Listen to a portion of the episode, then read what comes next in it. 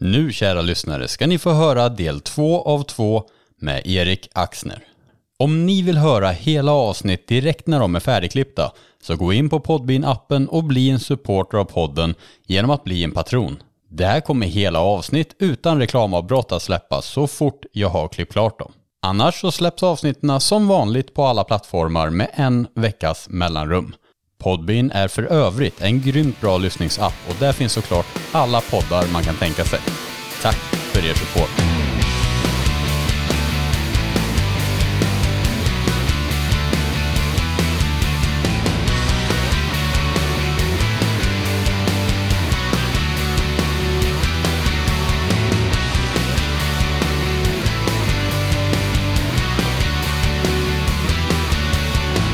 Jag tänker att jag skiter i om det är en lastbilschaufför som ser mitt anus.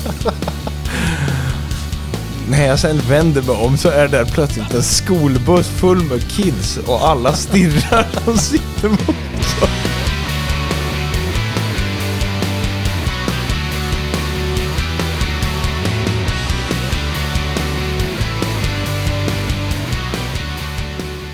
Sådär, välkommen till ännu ett avsnitt av Time is Fish Podcast och det här är en förlängning utav eh, förra avsnittet med Erik Axner.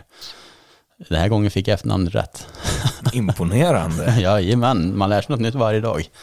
Vi ska snacka lite tropiskt fiske, vi ska snacka störfiske, men vi börjar nu, eftersom vi ändå är inne på Hälleflundra och Norge, så avslutar vi, tycker jag, hela den seg- segmentet i podden med att eh, Erik får komma med lite tips för Norgefisket. Eh, för folk som är antingen nyfikna eller erfarna så kan man alltid ta åt sig information. Så att nu kör vi lite grann med eh, tips här för Norgefisket. Precis. Och Du, du har, eh, jag bad dig fundera ut lite grann där. Så vad, vad, vad kan du... jag börjar väl med någonting vi kanske inte har talat nästan någonting om. Det är väl torskfisket. Och de allra flesta har ju uppfattningen om att det är bara att släppa ner och rycka lite så nappar en torsk. Och så är det väl när torsken är riktigt igång. Men mitt absolut bästa tips, framförallt när torsken inte är riktigt på bettet, det är att istället för att rycka upp så lyft spöet sakta och sänk fort. Men snackar vi om skrejtorsk nu? Nej. Eller snackar vi generellt torskfiske? generellt torsk, det spelar faktiskt ingen roll om det är skrej eller inte, men framförallt när torsken trycker botten nära. För den som inte havsfiskar så mycket så kanske det inte låter så mycket skillnad om man lyfter sakta och släpper fort eller rycker upp och sänker sakta. Men det har en stor skillnad faktiskt och det är att när du lyfter sakta så har jiggen en naturlig rörelse. Den lockar lite. Om man tänker på alla undervattensscener som man kan se på fisk så simmar de ju lite, lite sakta. Och fisken ställer upp sig i position för att hugga. Torsken, alltså den vill ju hamna i döda vinkeln. Den vill ju hamna bakom sitt byte. Och när du då lyfter sakta så ser det ju ut som den här lilla jiggen som ska se ut som en liten sej eller en vittling eller någonting. Simmar upp lite, lite sakta och exponerar sig. Och när du då sänker sakta så har torsken redan vinklat upp sig för att äta den. Och då instinktivt så hugger den på vägen ner. Men om du rycker upp i panik så om inte torsken är riktigt aktiv så kommer den tycka, då blir den skrämd istället. Och så kommer den inte att hugga, för när du då stannar uppe i frivattnet, varför ska den ta en fisk som nyligen har fått panik och sen helt står still? Det är helt onaturligt. Men genom att sakta lyfta och sen sänka fort så kommer man inte att känna hugget, men du kommer se att linan stannar. Och då är det bara att göra mothugg direkt. Och d- det här är ibland skillnaden mellan ett nollpass på en trög torskfiskedag eller en full låda med torskfilé när man åker hem. Det är, en, det är en sån otrolig skillnad. ja, det är så. alltså. Ja, så det är mitt absolut bästa tips. Och det funkar lika bra med jigg som med pilk. Men lyft sakta och vet, vet du vart botten är, så lyft bara sakta en halv meter till en meter upp och sänk fort och titta på linan. Stanna linan så gör mothugg för att du vet ju vart botten är. Linan ska inte stanna. Stanna linan så ryck. Ha. Det är otroligt effektivt. Ja, det är ju supertips alltså. Funkar det där på flundra också tycker du? Nej, Nej. Inte alls på samma sätt. Det här, det här är för torsk, det funkar inte för sig eller någonting. Det är för torsk och framförallt när torsken trycker nära botten. Ja, supertips alltså. Mitt nästa tips är väl då, vi har varit inne lite på det, det är när man fiskar hälleflundra och man använder cirkelkrok. Spöföringen för att kroka fisken. Med en cirkelkrok gör man ju inte ett mothugg, även om jag tidigare sa ordet mothugg så gör man inte ett mothugg. Nej. En cirkelkrok har ju funktionen att den ska ju vrida sig på plats i mungipan. Med hjälp av tafsen och tafsen är det som styr kroken in på plats. Men blir motståndet eller rycket för hastigt så kommer kroken som har en inåtböjd spets att studsa ur mungipan istället för att vridas på plats. Och det vanligaste misstaget jag tycker att folk gör det är att de vinklar spöet ner i vattnet mot fisken och på så sätt eliminerar möjligheten att använda klingan som en flexande faktor till att vrida in kroken. Så istället för att när fisken hugger att du vinklar spöet mot fisken så att rullen har direktkontakt med ditt sänke och därmed också kroken och betesfisken. Så håll spötoppen rakt ut från kroppen istället. Tryck upp bromsen sakta och låt klingan vrida in kroken på plats. Okej, så man gör ingen spöföring knappt utan man Nej, låter bromsen och- bara sakta bli tajtare. Precis, och när du har tryckt upp bromsen och du har lite böj på klingan, det betyder att har du böj på klingan så har kroken börjat att vrida sig på plats. Veva då på rullen istället tills det blir riktigt tungt. Istället för att lyfta spöet. För risken om du istället när du har lite böj på spöet och lyfter spöet, att det blir ett för hastigt ryck och kroken ploppar ur. Så använd bara spöet egentligen som en överföring av kraften utan att använda spöet egentligen för att göra mothugg. Så veva in kroken men använd flexen i klingan till att styra in kroken. Det är intressant också. Hur, om vi bara ska tänka något jag tycker är intressant där med, med metet. Kör du med en cirkelkrok Ja. på metet? Hur fäster du den i betesfisken? Det tycker jag är intressant. Numera så använder jag en, eh, en vanlig flätlina eller en nylonlina av tunnare modell. Som jag bara gör en vanlig uggla på. Alltså jag tar linan, viker den dubbelt och gör en, en eh, vanlig ja, kärringknut. Så att det blir en uggla. Sen tar jag och lägger den ugglan över själva kroken i böjen. Och gör ett halvslag så att den sitter fast. Sen tar jag en nål, trär den igenom munnen så att man stänger munnen på betesfisken. Rakt underifrån, precis som du hade trätt kroken genom munnen på fisken. Och fisken, i Norge är det ju inte tillåtet att använda levande betesfisk. Och en död betesfisk öppnar ju, alltså, öppnar ju munnen automatiskt. När den väl får sin eh, rigor mortis som det kallas, den här likstillheten, så öppnar den munnen. Så jag syr igen betesfiskens mun med hjälp av den här linan. Trär på ugglan som kommer ut ovanpå nosen på, på betesfisken in i tre, cirkelkroken igen och snurrar fast kroken i den här ugglan. Då hänger betesfisken alltså på en, en tunn lina och hela krokgapet och hela kroken exponerad framför fisken. Istället för att du har en bit av fiskens huvud, benformationer och annat sittandes på cirkelkroken som är i vägen när du ska driva in kroken i, i mungipan på fisken. Och det här ger en överlägsen krokningsprocent jämfört med att sätta betesfisken rätt, rätt på kroken. En norsk herrig. En, det är en, precis, det är en, det är en herrig. Exakt. Fast på lite annat sätt knuten då. Men det var det jag tänkte att du hade något bra. För att, att sätta den igenom en sej, då, du tar ju bort så mycket av krokgapet. Precis. Ineffektivt precis. som tusan. Så ja, kanonsvar alltså. Och det är viktigt där att sy fast den så att munnen stängs så att inte betesfisken får den här öppna munnen. För då tar den drift och så beter den sig onaturligt. Man kan nästan få en simmande rörelse på betesfisken om man syr igen munnen. För att så länge den håller sig mjuk så kommer kroken att nästan göra att den blir som ett swimbait. Jaha. Så du får en simmande aktion även för att betesfisken är död. Och det kan man förstärka genom att dra och slita lite i kroppen så att ryggraden och muskelfibrerna mjukar upp sig lite. En liten massage. Lite massage. Nästa tips kommer för någonting som vi kanske inte har pratat nästan någonting alls om och det är djuphavsfisket. Kungsfisk, långa, vitrocka till exempel. Fisket som ofta sker på väldigt djupt vatten överlag. Där tycker jag att det är överlägset med väldigt långa, svampiga, mjuka spön. Det ser man huggen väldigt, väldigt bra på djupt vatten. Man har ju ändå ofta ganska mycket tyngd, alltså du kan ha 500 gram, du kan ha ett kilo tyngd också. Det böjer ganska mycket i spöet, men har man ändå ett mjukt, flexibelt spö, Det är precis som alltså, en, på ett djupriggsspö på trollen kan man jämföra det med.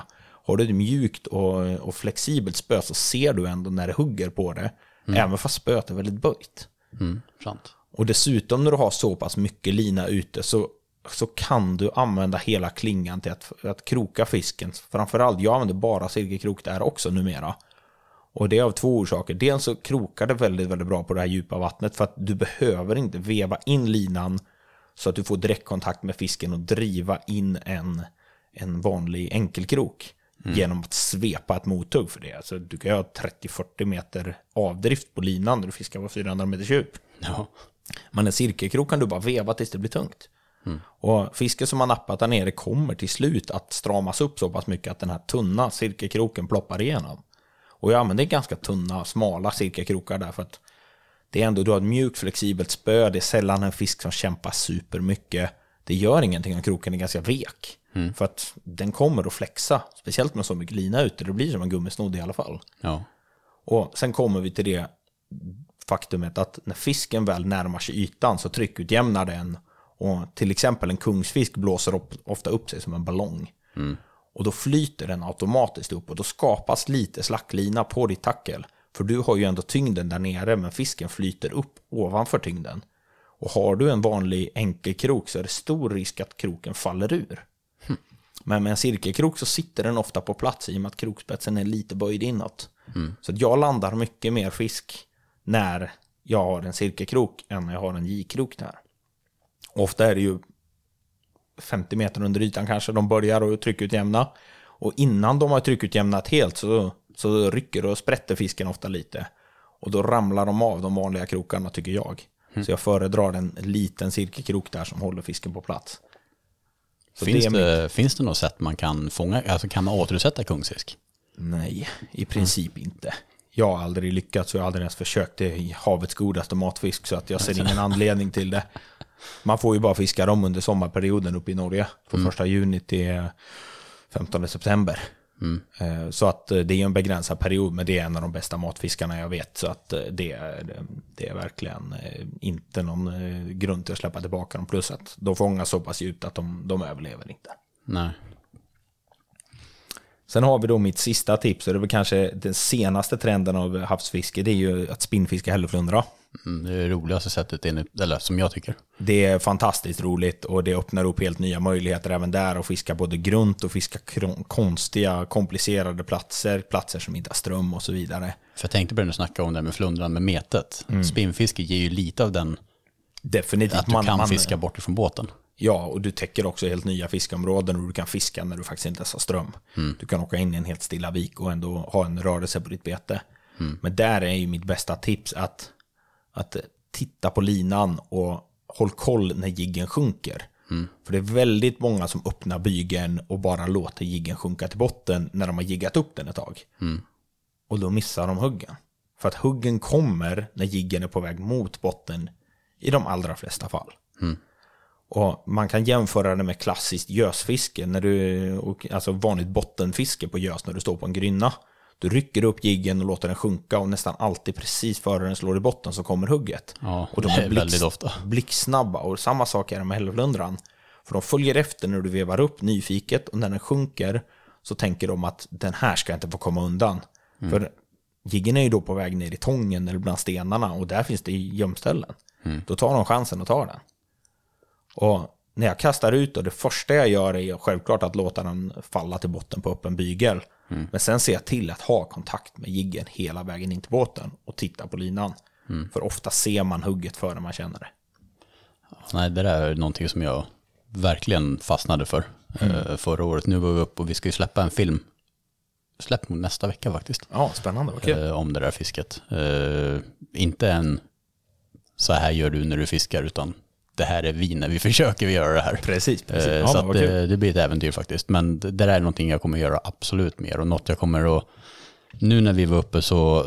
De, hade, de stod inte jättegrunt och vi hade rätt tufft fiske. Men eh, det jag tänker på hösten där, när de faktiskt kan stå inne på så här 5-10 meters djup Mm. och fiska mer, alltså lätta vikter. Precis. Och där är det också, ju lättare vikt du kan fiska, desto bättre häng har du i din jigg. Ja, ja. Då, då slipper du det här att de sjunker ner för snabbt och sånt där. Precis, Liksom. och ju lättare jigg man har, desto mer hugg kommer man också få på vägen ner. Men självklart måste man ju anpassa sin, eh, sin vikt utifrån vilket djup man fiskar på och strömsättning i området. Man måste ändå ha kontakt med jiggen och känna att man kan fiska av området effektivt. En sak som skulle vara väldigt intressant att höra dig berätta, är din tanke om. Säg att det är 25 meter djup. Hur högt ovanför, nu snackar vi inte bara spinnfiske, men hur högt ovanför botten tycker du att det är rimligt att fiska? Jag brukar ofta säga 30% av vattenmassan tycker jag är rimligt om det inte är extrema, eh, bra, extremt bra siktdjup. Men generellt sett så är det 12 meter så brukar jag fiska 4 meter upp. Är det 30 meter så fiskar jag upp till 10 meter. Ungefär. Det det är inte hugget i sten men i många fall så tycker jag att fiskar man högre upp än så så det, då är det snarare en frigående fisk som man, som man fiskar på. Men sen finns det såklart undantag när fiskarna stiger väldigt högt. Men eh, jag tycker inte man ska vara rädd för att fiska en bit ovanför botten. Men vill man ha den riktigt stora hälleflundran så är det bottennära som gäller. Ja, Alltså, de är lata svin. De ligger där nere och degar. De rör sig inte i onödan. Och rör de sig för att gå upp och ta någonting så är det för att de har satt in siktet på ett byte. Vi har ju haft kunder som har liksom fått hälleflundror på 80-90 cm attackerad av, av större hälleflundror. Jag har själv varit med när en 11 kilo sej blir slukad under båten. det är så sjukt det där. Och det är ju för att den fisken har ju satt sikte på den här fisken. Men normalt sett så, så är de slöa och sega som fasen och de allra, allra största hälleflundrorna på alla våra kamper, de tar liksom inom ett par meter från botten. Så vill man, har man målet att fånga en riktigt stor fisk så ska man fiska väldigt, väldigt bottennära. Och när du menar riktigt stor, för det är relativt, eh, vad menar du med riktigt stor? Alltså 160-170 centimeter och uppåt. Okej. Men kanske framförallt när man kommer och börjar närma sig fiska på två meter och uppåt. De är extremt slöa. De är bottennära och Å som är vår kanske bästa hälleflundra destination sommartid på de riktigt, riktigt stora. Där skulle jag säga att alla de här riktiga giganterna som är liksom två, två meter upp till 2,46 som vi har fått av forklength. De, de tar en två meter från botten. Det är verkligen slicka botten så nära det går. Liksom. Tre, fyra vevtag upp. Och jag menar, har du släppt 70 meter eller 60 meter lina och vevar upp tre, fyra vevtag, det är inte jättemånga meter du kommer upp från botten. Nej, nej. Med sänket och sen har du tafsen som hänger bakom som varierar djupet men bottennära är eh, nyckeln till framgång för de riktigt, riktigt stora. För det känns som att ju närmare botten du fiskar, ju färre potentiella fiskar kan se ditt byte. Ju högre upp den är, ju fler kan se den. Exakt, Eh, så är det. Så det är en avvägning. Så det var något som jäckade mig otroligt mycket de gångerna jag varit uppe så. Mm. Hur högt är optimalt? Och det är ju såklart, det varierar från dag till dag och så vidare. Men det Mm. där var så här sjukt störande för att man har inte jättekontroll på exakt hur, det är en känsla man måste få in hur högt man Precis. är ovanför botten. Precis. Det där var någonting som var jättejobbigt för mig tycker jag. Att Mm. inte riktigt veta hur högt man var ovanför botten. När man var så fokuserad på att försöka ha den rätt över botten. Precis. Eh, Men det är någonting jag tycker, att, mycket. ja, jag tycker att jiggfisket är mycket mer aktivt. Mm. Och där, där jobbar du ändå på en annan instinkt hos fisken. Där, där triggar du den. Ja. Där, där är det inte att det luktar gott och att det är någonting som ser naturligt ut. Utan där är det mer nyfikenhet du triggar dem till att ta. Och där kan man vara mycket, mycket mer aktiv. Och framförallt, jag tror det är orsaken till att spinnfisket är så effektivt på antalet. För att du fiskar mycket högre upp i vattnet, du täcker fler ytor, du triggar de fiskarna som vill ta. Och du kastar fler kast, du täcker av större ytor. Och där kan man med fördel fiska mycket, mycket högre upp i vattnet. För att fisken som är aktiv och som vill ta och som triggas av flyktbeteendet, de kommer att stiga i vattnet. Den här slöa gamla suggan som ligger där nere kommer kanske inte att ta på spinnfisket för att det är för svårfångat byte. Det är inte lika tillräckligt stor belön, belöning att ta det där lilla betet för det är för jobbigt. Men driver du förbi en, liksom en, en eh, makrillfilé eller en, en, en, en hel sej liksom, som, som bara driver förbi nosen och luktar gött. Det är ett simtag med stjärtfenan så ligger den där i magsäcken. Liksom. Så därav så tror jag att det är därför de stora, de, de är lata. Ja. Och det, det är därför de, de hugger nära botten, liksom, medan de här mediumfiskarna och de små fiskarna, de är mer än gärna aktiva att gå upp och, och ta en, en jigg i frivattnet. Det är därför du galna fiskepass kan ha liksom 10, 15, 20 hälleflundror på ett spinnfiske om du prickar rätt. För att du prickar fisk som är väldigt aktiv och jagar. Det Du skulle, gör det al- du skulle kul. aldrig ha 20 stycken stora på ett pass. Även om du fiskade i rätt område med de här. För att de ska vara på humör. Liksom. Dessutom hinner du ju inte ens fånga så många. Nej. Nej, men det var det som gjorde. Jag tycker spinnfiske var så roligt och, och man riktar sig inte riktigt in emot en två meters då heller. Nej. Vi körde ju grova gäddgrejer och sådär och jag menar, en fisk på 160, det hade ju varit otroligt jobbigt. Ja, ja, ja, Eh, visst. Så att liksom, där är ju en 120 fisk är ju fantastiskt rolig. Ja, och jag ska säga att jag tycker de fiskarna mellan 20 och 40 kilo, det är de som fightar galnast, hårdast, mest explosivt. När de blir lite större så utnyttjar de tyngden. De blir lite segare, Lata. lite lata, men också, jag tror de är fullt medvetna om att jag är tung och, tung och stor. Ja.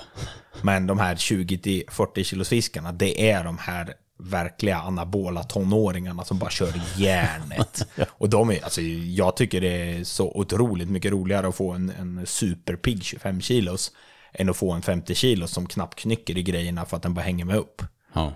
Och så har det varit. Jag har fått fisk som, som inte ens tar en millimeter lina som väger över 50 kilo. Som bara, det är bara tungt, det bara hänger där nere. Och så har jag fått 20-25 kilos fiskar som tar lina gång på gång på gång och rusar i botten och hur roliga som helst. Så att det är inte alltid storleken på fisken som avgör hur roligt det är att fånga dem.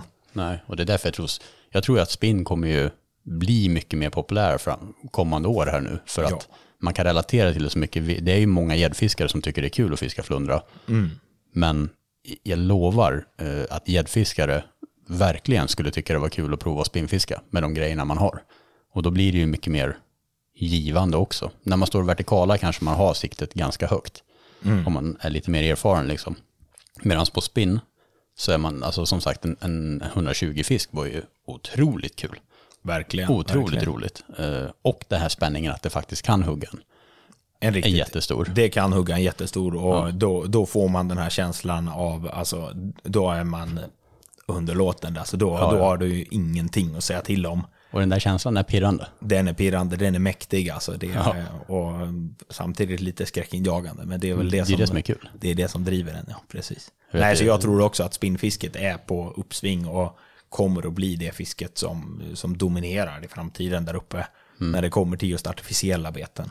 metet, har, metet har sin charm och det har sina anhängare. Men det vanliga traditionella vertikaljiggningen med de här tunga 3, 4, 500 grams jiggarna. Det kommer att fasas ut mot att fler och fler spinnfiskar. Jag tror ju ett bra sätt att göra det, det är till exempel att, du vet, kanske köra ut två metern och så, så står man två, tre pers och spinnfiskar samtidigt. Om, om strömmarna och allting är rätt då. Precis. Men det är ju ett sätt att göra det och maximera eh, både antalet fisk men också ha chans att få en riktigt stor. Om man Ja. är på sådana ställen. Och då kan man också turas om med att spinnfiska ett tag och sen meta och så turas man om i båten helt enkelt. Och där kan man ju faktiskt få ett effektivt fiske också genom att spinnfisket, även om de inte hugger, så lockar man in dem till båten och så hittar de den här makrillen eller säg filén eller vad det nu är man fiskar under båten och så tar de den istället. När de inte riktigt är på humör. Så spinn kombinerat med mete, det kan nog vara riktigt effektivt. Ja, Eh, verkligen. och ha sån här passiv spö, jag hade ju, det finns ju så bra ord för det, socialbidrag. Ja, När man ändå kan inkassera utan att göra någonting ja, ja, ja ex, exakt. Det är exakt så jäkla precis. roligt uttryck. Ja, verkligen. verkligen. Men, eh, Men där är det också viktigt att om man gör det här så måste man använda cirkelkrok. Ja, om man nu fiskar med, ett, i- med två spön själv då, eller Mm. att man två spön per person för att hugga det och du har de vanliga krokarna, du kan hälsa hem att du får ut de krokarna över fisken. Mm. Om du har vanliga tre krokar. Nej, det är nog ett riktigt bra tips faktiskt. Det är, en cirkelkrok. cirkelkroken är överlägset där och dessutom cirkelkroken är överlägsen på alla sätt och vis. Alltså du tappar mindre fiskar och du krokar dem bättre. Mm. Det, är- det är bara en vanlig sak om man ska lära sig att, att, eh, använda den. Mm. Det är bara att applicera Eriks norska herrig. Exakt, precis, precis. Så kommer det göra susen. Ja, eller ska man säga herring rig? Nästan. Ja, det är bra. Det är bra. Den har jag inte hört för. Fin. Hade du något mer som du hade förberett? Jag tycker du, du hade en bra bredd på det här. Du tilltalade många olika typer av Nej, men det, det, det var de jag ville ha. Jag siktade också på att jag ska, ska nå fyra olika målgrupper. Eh, Nej, men det var genomtänkt. Väldigt bra förberett. Kul. Ja, det är därför MVG så många ämnen. kan vara så. Ska vi se här, nästa segment som vi ska ta och beröra lite grann. Kan du få välja. Vill du snacka störfiske eller tropiskt fiske? Jag vill pissa.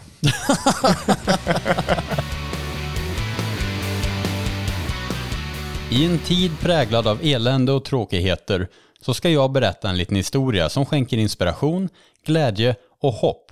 Och det är även din chans att vinna, så lyssna noga nu. Jag personligen älskar företag som stöttar sportfiskebranschens små aktörer och det är precis vad dagens programsponsor Latitude 65 gör.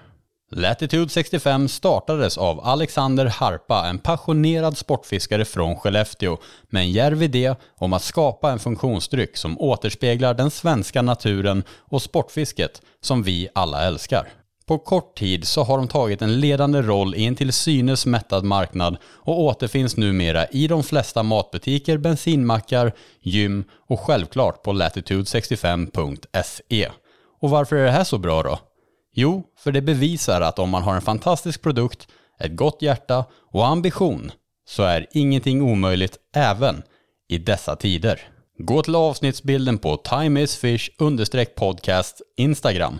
Läs instruktionerna och delta i utlottningen för din chans att vinna ett flak av din favoritsmak. Avsnittet är i två delar så det är alltså två utlottningar det handlar om. Latitude 65 är det självklara valet för alla oss sportfiskare, så kolla in dem och deras fantastiska produkter på latitude65.se. Tack så jättemycket för att ni har varit med från början och gör den här podden möjlig.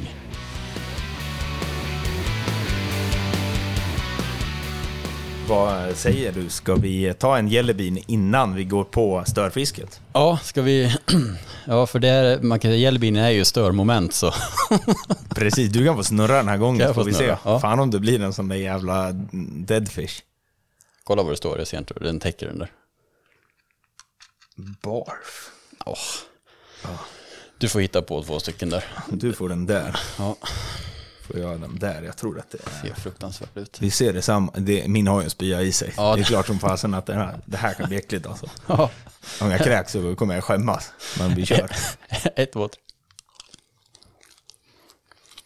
Yes, den är eh, söt och god. Min också. Min smakar persika. Ja, min också. Herregud. Vi har ju tur idag alltså. Ja, det var en, en, en mjuk start, god start och nu eh, kan det bara gå ut för. Jag lovar att den sista kommer vara den där ruttna fisken alltså. Åh, herregud alltså. Nej, den, är, den är hemsk. Jag, jag vill verkligen inte få den igen. jag vill inte uppleva den där McDonalds-äcklet jag åt förut en Nej, gång till. Nej, fy fasen alltså. Herregud. Så, eh, Erik, då kör vi eh, någonting som är sjukt intressant. Eh, som du har varit iväg på ett gäng gånger nu. Mm. Störfiske, vart gör man det? Precis. Eh, I eh, British Columbia i eh, västra Kanada utanför Vancouver så rinner ju Fraser och Harrison River. Det är ju Fraser River som rinner ner i, eh, i havet och Harrison är ett biflöde.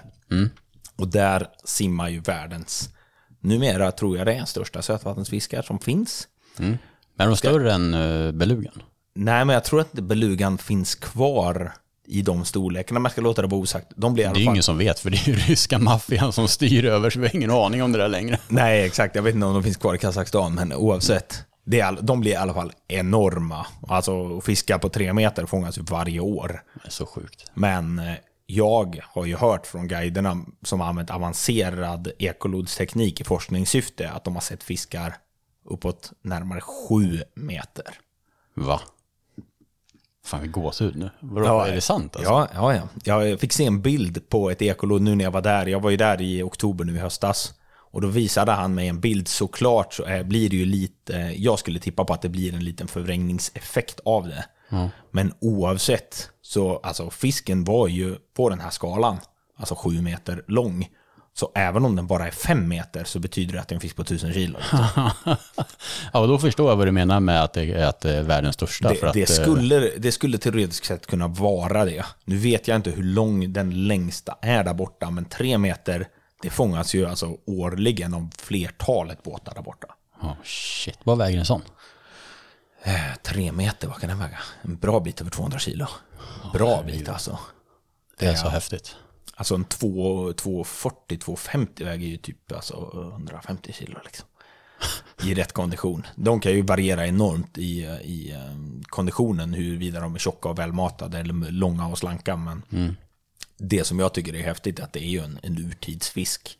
Och de blir ju ohyggligt gamla. De. Alltså många av störarna som simmar den där floden är ju äldre än vad, vad vi människor är. De har ju funnits där sedan liksom, världskrigen. Det är häftigt. Det är riktigt häftigt. Då. Man, man fiskar ju en, en sjukt cool miljö för att floderna är ganska grunda alltså, överlag. Alltså det är, det är sällan man fiskar så mycket djupare än kanske sju meter, tio meter. Ja. Och dessutom på fiskar som hoppar. Ja, det är det som är coolt med stören, att de faktiskt hoppar. Ja, och de gör ju det ofta ganska snabbt efter att du har satt ett mothugg och så vräker de ju upp sig. Och det är ju samma sak, är lite känslan, för att alltså ett, ett hugg av en stör, alltså det ser ju ut som ett fiderhugg på, på en, liksom en sutare, eller no, nej inte en sutare, för jag har aldrig fått en sutare. men det, Men det, spötoppen bara... Nipp, Ja, nipp, den, bara gungar till lite och sen ofta så bugar den bara ner och du, du kan inte veta hur stor den är. Den som säger att den vet hur stor en större är när den hugger, den, alltså, den, den hittar på. Det går inte. Inte ens guiderna där borta som har landat tusentals störar kan säga om det där är stor eller inte.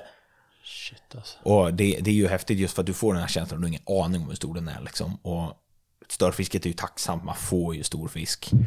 Sen är det ju inte alltid att man, man lyckas få de här enorma giganterna, men att, men att fånga en, en stor fisk som, som ger dig en, en kamp för livet, det, det får nästan alla uppleva. Det känns ju som ett väldigt säkert resmål att få lön för mödan. Verkligen. Och ett väldigt säkert resmål att prova någonting man aldrig får uppleva här hemma. Mm. Jag har ju fiskat det här stören i Danmark, ja. gjorde jag ju mycket förr och så, men det är ju liksom bara, det är ju som att jämföra regnbågsfiske på en take med, alltså, riktiga ädelfiskar, Ja. vilda. Så att det är ju det är en helt annan grej, men Men, men det, det som är med störfisket är också att det är så lättillgängligt för alla. För du åker dit, du behöver inte ha utrustning, du behöver inte ha vadare. Du åker dit med ett handbagage och en väska med lite kläder. Och klimatet där borta är som i Sverige. Alltså i princip året om. Eh, Fiskar man eh, primeperioden som är september, oktober, november så, så är det som en vanlig svensk höstdag. Samma, samma väder. Kanske lite regnigare ibland, men nej, generellt sett ungefär.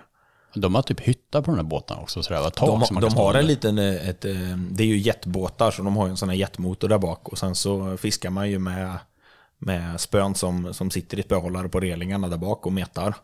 Och sen eh, längst fram i båten så är det en liten kabin och ofta har de en liten sån här dieselvärmare så man sitter ju gött och skyddat.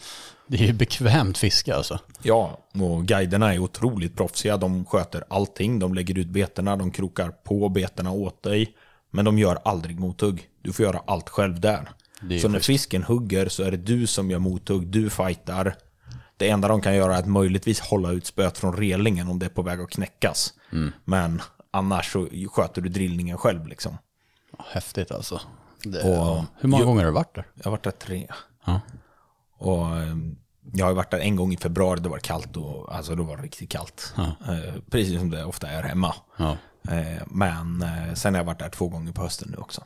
Jag var en gång där med kick-off med jobbet och så hade jag en eh, gruppresa här nu med kunder i oktober när vi åkte dit.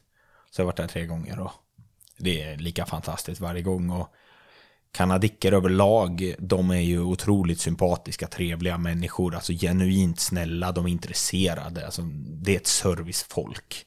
Och alla är bara, alltså de, de tycker det är häftigt att man kommer dit, det finns ingen missundsamhet, det finns liksom inget agg överhuvudtaget mot turister, de älskar turister. Och alla är supertrevliga, det finns bra restauranger. När jag har varit där så har vi bott på ett spa-hotell som ligger precis nere vid vattnet och det finns varma heta källor och sen kan man gå ut och käka på, på sportbarer eller på finare restauranger. Och I och med att man inte har massa fiskegrejer och man inte ansvarar för någonting så blir det ju en, en tvåvägsupplevelse. Dels åker du och fiskar men sen har du också den vanliga turismen på kvällen. Du kan gå ut på en sportbar och sätta dig och käka en, en schysst burgare, ta några öl och titta på en NHL-match. Sen går du tillbaka till hotellet, sover, kliver upp på morgonen, går ner och käkar frukost på frukostbuffén, går upp och byter om, drar på dig vadarna ner i båten och så åker du ut och fiskar. Sjukt bekväm resa. Så det, det är ju som att åka på en charterresa ner till, eh, till eh, liksom Medelhavet. Fast du åker ut och fiskar varje dag. Och allting är uppstyrt. Så ett, även om inte det är ett sånt aktivt fiske, jag gillar ju aktiva fisken överlag. Så är det ändå ett av mina favoritfisken just när det kommer till den här spänningen och samtidigt enkelheten. Och mängden storfisk.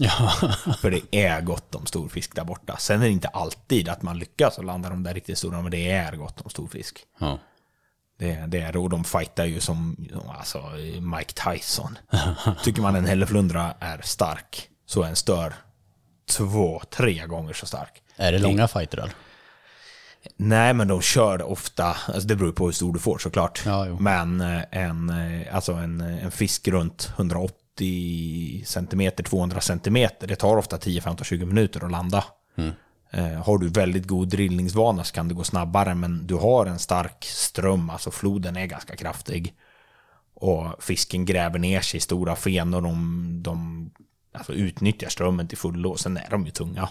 Ja, deras bröstfenor är ju enorma. Det är Ja. som vingar. Så Precis, när de, när de viker ut i strömmen, det, alltså, du, du hindrar inte fisken. Och många gånger så måste man ju lätta ankare och föra efter med båten ned, nedströms, för du kan aldrig dra upp den mot strömmen igen. Liksom. Ja, det kan jag tänka Så man landar dem ju ofta längre ner ströms än vad man faktiskt krokade i dem. Men man använder ju alltså 0,70 till 0,80 flätlina. Och Det finns resurser. det finns resurser och man, man kör ju alltså 13, 14, 15 kilo broms. Det är nästan dubbelt vad jag skulle rekommendera att eh, man fiskar med i Norge. För jag skulle säga typ så här 7-8 kilo upp i Norge i, i rakt motstånd på rullen, inte alltså i ett böjt läge, utan med, man drar linan rakt ut från rullen och knyter den i en våg. 7-8 kilo är ganska normalt i Norge. För det appliceras några kilo till när du, när du väl får motståndet mot ringarna. Men där borta kör man snarare 12, 13, 14 kilo rakt från rullen. Det är mycket alltså. Det är mycket, man får hålla med två händer i spöet för att ens orka hålla emot det. Och, och de här tar lina som ingenting. Lägg då till att de hoppar ibland nästan hela fiskens längd rakt upp i vattnet. Ja. Ofta väldigt nära båten och sen rusar kors och tvärs över floden. Det är, det är ett segt fiske och där krävs det att man har både drillningsteknik och lite ryggmuskler för att, för att orka. Men det är ändå ett fiske för alla. Det är bara att man kanske kan behöva hjälpas åt om man får en riktigt stor. Det, är- det kan vara helt omöjligt att få upp den själv för att det blir för tungt. Framförallt för underarmarna. Ja, det där hade varit så sjukt häftigt att testa på. Eh, dra iväg där och sen, alltså, jag- har tänkt så här, tre dagars störfiske, sen kanske man kan dra och uppleva lite natur och sånt där på egen hand, typ vandra och göra lite sådana där grejer också. För det är ju sjukt häftig natur där borta. Definitivt. Och hyr man en bil då så kan man åka och fiska några dagar. Och sen kan man åka runt och sightseea i övrigt. Och Vancouver är en häftig stad och du har hela kustområdet där utanför också. Det är om naturen och vildmarken runt omkring. Nej, det är, Kanada är ett fantastiskt land och stören är en fantastisk sportfisk. Som jag tror att väldigt många svenska sportfiskare faktiskt har glömt bort. Eller inte ens vet om. Men det är en otroligt häftig sportfisk. Men det var några år sedan när, var det när ni liksom började köra de där resorna som man såg väldigt mycket ifrån det? För då var ni ju ett gäng guider som var ju där och fotade mycket och Ja, vi, man vi hade mycket ju som sagt sedan. vår kick-off. Vi åkte ju dit efter säsongen, alla guiderna, och hade en, en, eh, liksom en eh, sammankomst. Mm. Hade möte där borta om hur säsongen har varit och så. Så fiskade vi ihop några dagar. Ja. När var det här då? Det måste ju ha varit... Eh, kan det ha varit 2021 kanske? Kommer inte ihåg. Det är Var det under pandemin? Ja, jag funderar på om inte det var det. Men det kan ha varit 20... Nej, det kan ha varit 2019 också. Tiden springer iväg. Jag ingen, alltså, Nej, det, det börjar bli svårt att hålla koll på åren. Ja. Men i alla fall, vi, nej det måste ha varit 2019. Mm. Eh, det, det måste det ha varit. Eh, För det var någon veva där, det var väldigt mycket. Eh, Ja. Jag, jag tyckte jag såg störar överallt. ja, jo men det är precis. Jo men det, det, nej det var innan pandemin, det stämmer. Det var det. Men- men, det var också ganska populärt för rätt många år sedan innan dess med lite, lite resor. Jag vet att Jörgen Larsson var iväg på väldigt många resor en, en period. Och eh, ja, han, eh, han var väl helt frälst i de här störarna, är väl fortfarande, vet jag. Och jag förstår honom för att man blir helt uppslukad av dem, dels hur häftiga de är och dels hur starka de är. Så har man inte provat störfisket så skulle jag varmt rekommendera att man, att man gör det. Liksom. Ja. För att det är lättillgängligt. I mina ögon så är det väldigt prisvärt just för den servicen och det helhetspaketet man får där, där borta. Och som sagt, det kräver varken förkunskaper eller utrustning. Så att det är verkligen perfekt. Till skillnad mot kanske en tropisk resa där du behöver ha ganska mycket utrustning själv för att kunna ens åka iväg. Så det är en grundinvestering i utrustningen där som du inte behöver när du fiskar stör. Jag fick, jag fick en fråga, eh, jag ställde ju en fråga på Time is Fish Podcast eh, Instagram där, eh, ifall, ja men frågor till dig. Och en fråga var, eh, vilket resmål passar för en, liksom, att dra iväg en första gång på. För att fiska någonting liksom, lite större och sådär. Skulle det här vara kanske det som passar bäst? Ja, men, För att bekanta sig med ja, men, ja, men definitivt. Alltså, det det Mm. tycker jag. Och det är också ett perfekt resmål att resa iväg om man kanske inte är supererfaren på, på fiske. Vi har ju haft med folk som kanske liksom aldrig fiskar här hemma nästan, men som ändå kan njuta till fullo av fisket på, på störarna. Mm.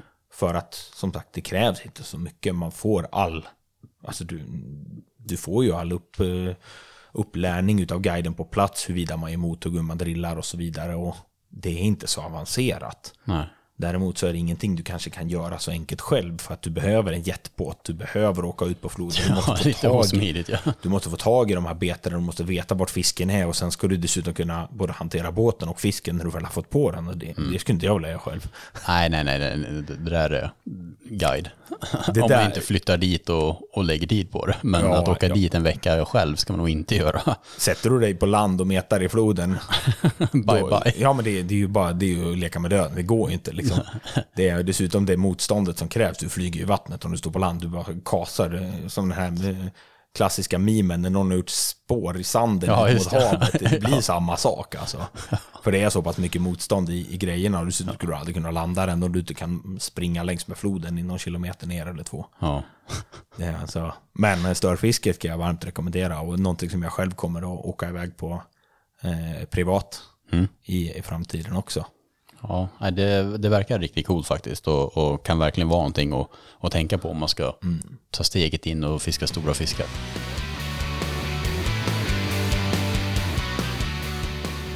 Ska vi köra lite nästa snack här om eh, lite tropiskt fiske? Mm, absolut. Det är superintressant också för det är någonting, ja, jag vet inte, jag har ju fastnat för GT-fisket. Det känns ju som att Hälleflundra är coolt på spinn, men det, det här är ju typ, om man gillar att spinnfiska så är ju GT det ultimata. Ja, Alltså big game-fiske, marlin och allt sånt där, det lockar mig precis lika mycket som att meta eh, stäm. ja, Alltså ja, ja. lika tråkigt.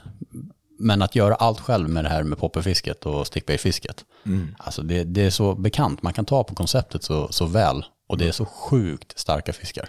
De är helt makalösa och det, det är ett sånt adrenalinpåslag just för att det är så visuellt Ja, i så allra häftigt. flesta fall att det, det blir en drog. Jag eh, har själv varit helt häktad sen första gången jag var i, i Panama och fick mina första roosterfish och, och kubera på popper och på stickbait. Och sen dess, alltså jag har ju varit iväg över 150 dagar sen, sen dess och fiskat i de här tropiska miljöerna. Ja. Och jag tröttnar aldrig. Ska iväg nu i eh, februari igen till, till Andamanerna. Är det GT? Det är GT. Och även lite Dogtooth Tuna också. Sen är det svårt att rikta sig på just en Dogtooth Tuna för de, de finns i samma områden och så. Men det är eh, GT är huvudmålet. Och det är bland det roligaste som, som finns. Alltså, tyvärr har det lite ibland effekten att det sabbar ens eh, spinnfiske här hemma. Och faktiskt, jag trodde inte det i början och sa till mig själv att nej men det påverkar ingenting här hemma. Men det har faktiskt haft en påverkan på mitt spinnfiske här hemma. Är så alltså. För att jag inte tycker att spinnfiske på, eh, på kanske framförallt gädda är lika lockande längre liksom här hemma. Eh, och jag kan fortfarande tycka det är riktigt kul att spinnfiska gädda på, på vissa lokaler eller vissa områden eller vissa tidpunkter. Men jag tycker inte det, jag har inte motivationen eller passionen till att stå och dänga dag ut och dag in på, på här hemma på spinn. Liksom. Det, det har jag inte. Då får jag ut det mycket bättre på, på andra metoder här hemma. jag uppskattar fortfarande fisket här hemma otroligt mycket, men kanske inte just det här klassiska spinnfisket. Det där är någonting, jag var ju rädd första gången jag åkte iväg och fiskade GT att det här kommer sabba mitt fiske hemma. Men för min del har det inte påverkat någonting för att alltså, jag separerar dem så himla mycket. Så att det, det andra blir bara en, det är en helt annan grej. Ja. fiske, men för mig har det inte sabbat hemma. Så att, eh, bara så att folk får höra det också, att bara för att man åker iväg så blir Nej, inte allting blekt och tråkigt där hemma. Nej, absolut Eh, inte. Så- Men du, du gör ju det här också väldigt, väldigt mycket.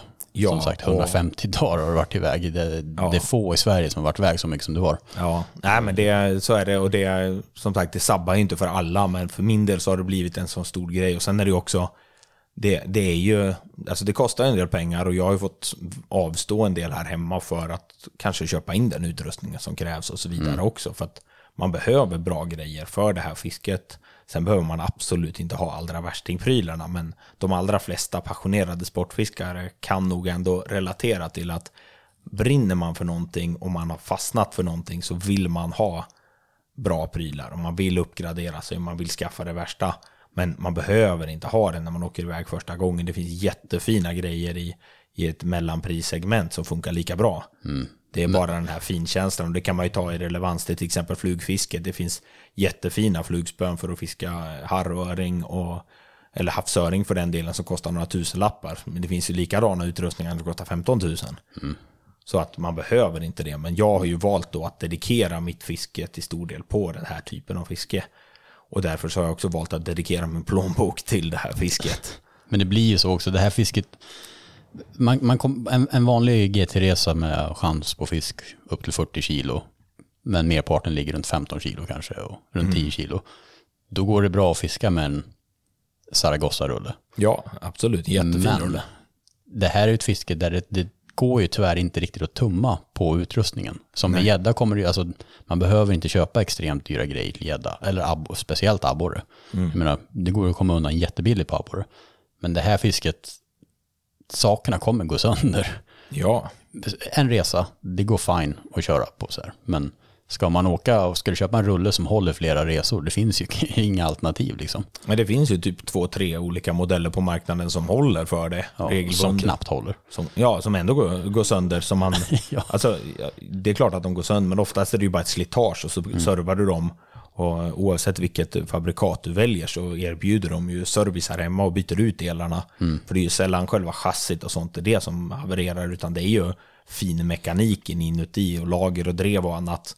Men när man har känt på kraften av GT så förstår man ju varför de går sönder också. Ja, ja, men det är ju det. det alltså, de här fiskarna är ju brutala. Det Det är- Krokar, linor, knutar, fjädringar, allt sätter ju på sin spets alltså. Ja, verkligen. Och du nämnde fisk upp till 40 kilo. Det, det är många destinationer som har 40 kilo, men de behöver inte ens väga så mycket för att sätta ordentlig press. Alltså en, GT nej, här redan på bara liksom- 20-25 kilo ger en otrolig kamp. Och det, det ja. hugget som kommer där, det gör ont i armbågen. Alltså. Ja, ja, ja, ja. Det, är- Jag har 20-25 kilo räcker. Min första GT vägde 18 kilo. Vi hade med en sling och vägde den. Eh, och den, eh, jag kommer aldrig glömma den huggen och fighten och allting. Det sitter så sjukt etsat i min skalle, eh, det minnet. Eh, ja, det, är- det är makalöst vad starka de är. jag kan inte ens tänka mig, du vet, de här GT'na som 65 kilo liksom. Det måste vara, Nej, det måste vara orimligt tungt. Alltså det är, ja. jag, jag har själv inte landat någon, någon i den kalibern. Min, min största är 126 cm, den är inte vägd. Nej, men det är sällan man väger dem. Nej, precis. Och eh, många kaptener har ju en förmåga att bara uppskatta en, en glädjevikt. Och efter att ha fiskat ett antal år så har jag slutat att lyssna på vad de väger. Jag, jag mäter dem och så, så tar jag en längd istället.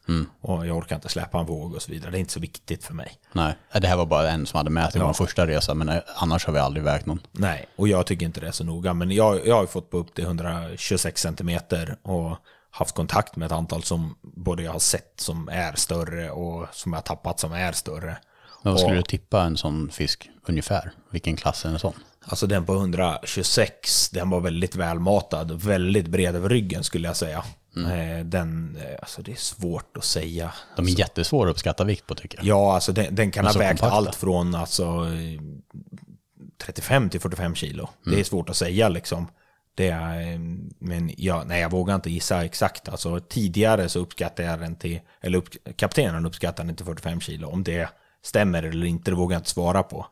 Det, men jag skulle inte tro att den väger så mycket, men oavsett, jag klassar den som 126 cm och det är det jag kommer ha utgångspunkt när jag klassar mitt nya PB framöver någon gång. Mm, om, jag lyckas göra om, det jag, på. om jag lyckas att slå det för att det är, man, man ser fiskar som fångas på andra platser och vissa som fångar på 151 cm som väger 50 kilo. Och sen fiskar som är 150 cm som väger 68 kilo som är vägda. Då ser man att det kan skilja 18 kilo på samma längd. Ja. Och det kan du göra på en eh, mindre fisk, kanske inte 18 kilo exakt, men det kan skilja 12, och 13 och 9 kilo. Så att jag skiter i vad de väger faktiskt. Och det är inte det som är det viktiga. Och för min del så är det inte, alltså det är klart att det är häftigt att få så stor fisk som möjligt, men jag, jag brinner ju mer för hugget och fighten än exakt hur stor den är. Några av mina roligaste fighter och några av mina roligaste fiskar är inte mina största fiskar. Utan det är kanske sättet de hugger på eller sättet de fightar och adrenalinpåslaget att de kanske kommer att gå in i revet och kapa linan men jag lyckas och stoppa dem eller liknande. Liksom. Det, men man har ju haft på några riktiga jävla lång ånglok alltså, som bara tuffar iväg och som man inte har en chans på. Alltså, det är helt otroligt. Och då tycker man ändå att man, man pressar i ordentligt. Och även där, alltså, alltså trycka på på en sån här kraftig hasperull oavsett om du har en, en Shimano Stella eller om du har en Daiwa Saltiga. Har du 12-13 kilo broms på rak lina ut från rullen, du kan knappt hålla balansen. Nej, nej, nej, det är sjukt. Och så just när de drar iväg sådär hårt från ingenstans också. Ja, precis. och Alltså, drar dessutom när de kanske går snett in under båten och du ska försöka hålla i, alltså de flesta, alltså köper du inte de här riktigt eh, alltså, robusta eh, superspöna för det här, då håller de ju inte ens den negativa vinkeln liksom. Nej, det är Då måste man ju vinkel. ut med spöet och ner med spöet i vattnet och hålla ut för att ens liksom orka hålla emot. För annars så, alltså, du, du tappar ju fotfästet och åker över bord liksom. ja, Så, det är så eh, jäkla fränt. Ja, och då känner man ju hur maktlös man är. Att när jag inte ens orkar hålla emot längre och fisken bara pissar iväg med lina och rakt ner i revet. Och, äh, det, är- det är helt makalöst alltså. Ja. Men det är det häftigaste fisket som jag har upplevt i, eh, i, på hela jorden. Alltså, och det är GT-fisket. Jag har varit i Panama och fiskat efter roosters och kubera. Och jag har, eh, jag har fiskat gulfenad tonfisk på popper. Och jag har fiskat lite allt möjligt, jacks och snook och, och sådana saker. Men det är GT'n som, som är det häftigaste på, på spinnfisket. Ja, det håller jag med om. Sen finns det ju en annan fiskart som har börjat segla upp i, i eh, mitt eh, intresse. Men det är ju på ett speedjigging istället och det är ju dogtooth. Ja, Och tycker man en GT är explosiv och stark så kan man prova att matcha det mot en dogtooth och se vad man, vad man får. För att urkraften i en dogtooth, framförallt efter hugget och i första rusningen, det är... Det, det finns ingenting som slår den. nej. Och de är ju så brutala också. Med Ja, sina det- tänder och det. De ja, ser så ja. häftiga ut. De, dels, det är ju det som tilltalar mig framförallt, de här riktigt, riktigt stora tänderna och framförallt att de kan bli så stora så de kan ju bli över 100 kilo. Har du Och- sett den där, eh, vad är det, någon taiwanes eller någonting som speedjiggar upp den där som väger 100 någonting? Världsrekord. Ja, från Tanzania, jag tror den har tagit 108 kilo eller något sånt där. Ja, det, alltså, ja, det är så brutala fiskar. det är helt, helt otroligt. Och det alltså, även fast de väger hälften av det så är det ju en, en kamp på alltså, marginaler jämt. Och de, Jag har tappat några sådana har jag gjort. Det, det har nästan alla. Ja, Det det, det, var helt, ja, det var ingen chans att få upp Nej men det, spelar ingen roll vad du gör och framförallt om du fiskar på strukturer som har väldigt branta djup utanför så är det någon instinkt. Det slår klick i huvudet på dem när de hugger och sen ska de bara ut över. Och jag har själv varit i några sådana stora men det finns ju vissa områden som är mer gynnsamma i världen också för att landa dem. Där det inte finns de här skarpa strukturerna runt omkring men där ändå dogtuffen håller till. Jag vet Jussi är ju iväg, eh, han åker när som helst. Han åker Ja. nu i januari, slut på januari. eh, Ska åka och sikta in sig på stor doggy. På popper och stickbait. Precis, han ska väl till eh, Holmes Reef utanför Exakt. eh, Australien tror jag det är. En av de bättre platserna på, på jorden vad jag vet i alla fall. Jag var ju faktiskt nyss på Rodriguez Island nu i november. Eh, På en resa med, med kunder och även kollegor då. Ja, Och vi eh, var ju i några riktigt stora. Vi fick en på 55-60 kilo ungefär. oh, shit alltså. Vi vägde den två dagar senare. Man åker ju nämligen ut och bor på en båt ute 100 sjömil ut från, från ön. Eh, Så att fisken hade ju legat av sig och tappat vätska och annat. Men vi vägde den till strax under 60 när vi kom i hamn. Åh jäklar. Eh, Och eh, då hade vi också kontakt med ett antal större, varav en som, eh, som en kollega till mig krokade i. Och den var nog alltså mellan 180 och 190 centimeter lång. Den lossnade tre meter bakom båten när den flöt upp. Kroken bara gled i munnen. Alltså, den hängde ju bara på krokspetsen under hela drillningen. Och vi hade så mycket press på den fisken så mycket. Jag fick ju hjälpa till och med min kollega att hålla en stöttande hand under handtaget där framme. Ja, det är rimligt ändå. För att vi skulle orka alltså ens bara hålla emot. Och sen när vi började lyfta den där så kom den upp bakom båtsidan och kroken glider ur. Och alltså, alltså den är så bred. Den är så lång. Och jag, jag uppskattar den som sagt någonstans mellan 180-190 centimeter. Och alltså den kan mycket väl ha varit liksom en meter i omkrets. Och kaptenen ropar ju direkt när den lossnar liksom 90 kilo plus. Liksom. Och senare i sin rapport så skrev han 100 kilo. Så att den kan mycket väl ha varit en sån fisk som kanske inte riktigt når upp till världsrekord, men inte jättelångt ifrån. Sjukt häftigt att, att vara i kontakt med en sån fisk och ändå få upp den till båten. Ja, ja, ja visst. Och vi hade kontakt med flera stora till som vi tappade och eh, som, eh, som bara var i, i eh, närområdet som attackerade mindre fiskar vi hade på kroken. Och första gången jag var på det här stället, det var innan pandemin också. Då hade jag själv på ett sånt här as. Och man fiskar ju precis in i mörkret och jag stod där in i mörkret och det har jag faktiskt inte på jigging utan då, då hade vi ingen drift och när man inte har någon drift så är det väldigt svårt att speedjigga. Man får liksom ingen bra rörelse så vi stod och live-baitade med alltså små, eh, små betesfiskar. Och mitt i mörkret så bara hugger en, en fisk från ingenstans och det, det bara pissar iväg. Men det är ju bara 60-70 meter djup så att den gick ju ytan och runt båten istället. Och vi misstänkte väl att det var en, liksom en stor haj. Den var så jäkla tung. Alltså det var så, alltså jag, jag la så mycket kraft, jag lutade in hela kroppsvikten för att pumpa in den. Liksom. Och vi var helt övertygade om att det är en stor haj. Tills den kommer in bakom båten och kaptenen tänder lyktorna på alltså, däck som lyser ner i vattnet. Och där ligger aset. En fisk, jag uppskattar den till 80 kilo, 180 centimeter lång ungefär också. Lite mindre än den vi tappade nu sist, men inte mycket. Och kroken sitter ju i mungipan innanför munnen. Alltså jag ser, jag ser liksom vart kroken sitter. Men den sitter inte helt utanför munnen. Så det finns lite tafslina i mungipan. Och fisken stänger munnen och krossar min tafs. Plaskar till med stjärtfenan och driver ner. Och det, alltså den var ju en meter ifrån huggkroken. Nej. Och den försvinner ner tillsammans med all min jävla livsglädje.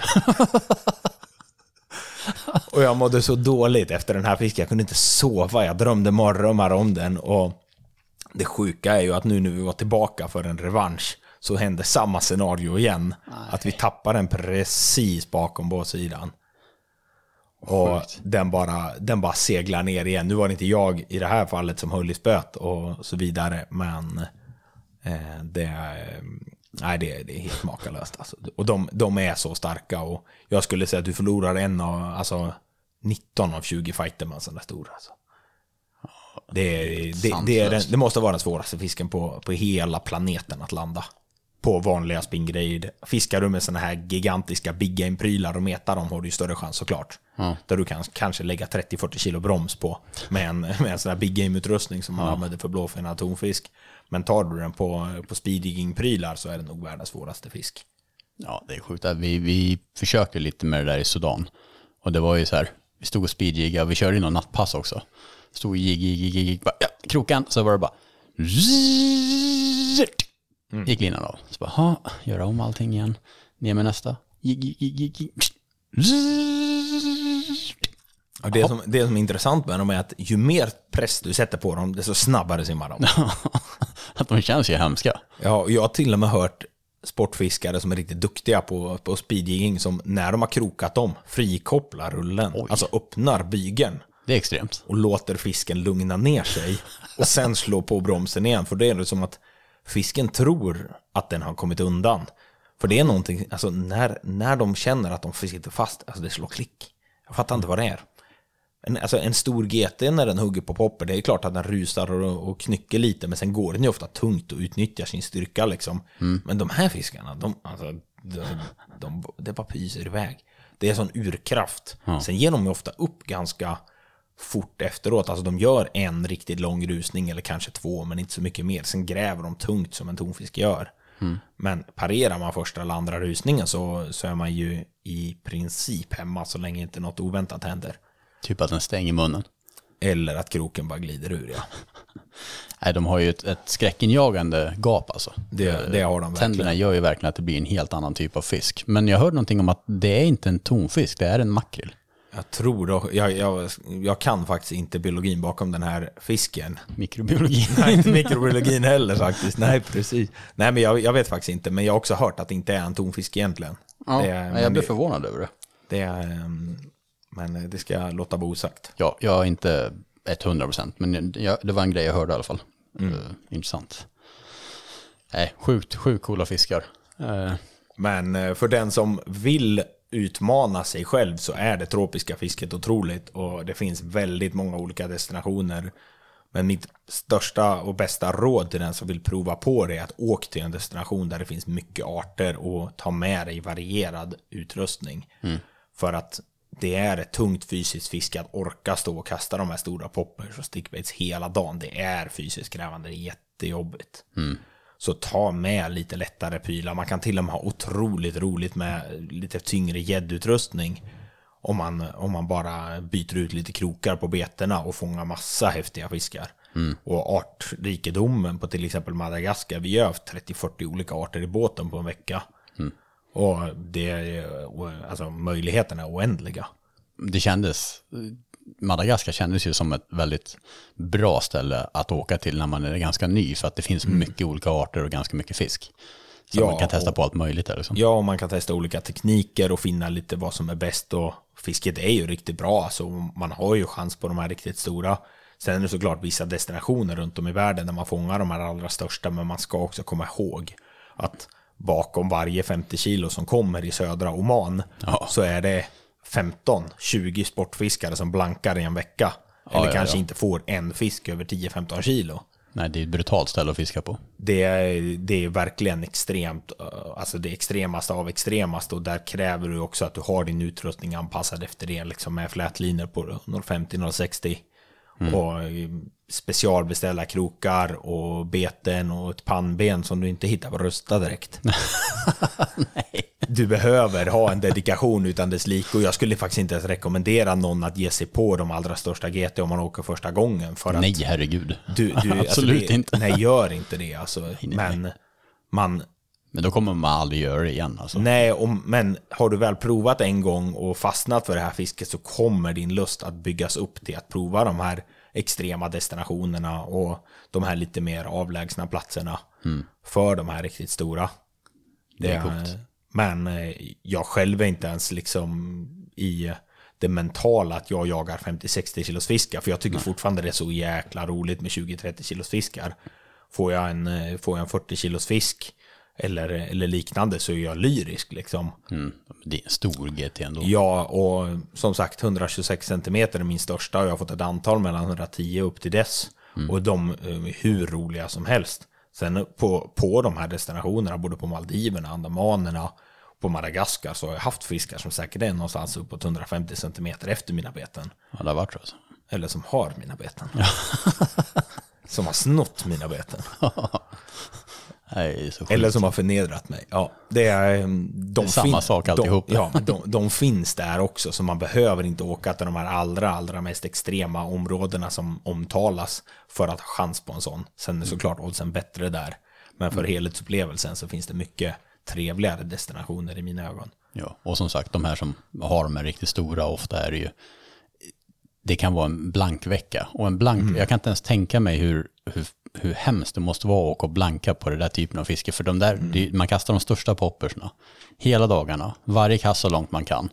Varje kast så hårt man kan poppa. Alltså mm. det måste vara så fruktansvärt att inte få någon fisk. Ja, verkligen. Jag har blankdagar på, eh, på eh, destinationer med ganska mycket fisk. Och mm. bara då är det ju rent alltså psyk, man är helt knäckt. Ja, ja, Och man, alltså inte, inte för att man faktiskt inte får fisk, utan för att man är så mentalt trött. Ja. För det enda som håller uppe energinivån efter några timmars kastande, det är ju adrenalinet från nästa hugg. Och får du inget adrenalinpåslag, det hjälper liksom inte att dricka en energidryck och, och tagga upp energin, för att alltså, adrenalinet kommer inte förrän du får det där hugget. Nej, nej, alltså det är helt brutalt. Eh, och sen just där, något jag tycker med det, man är väldigt, väldigt fokuserad.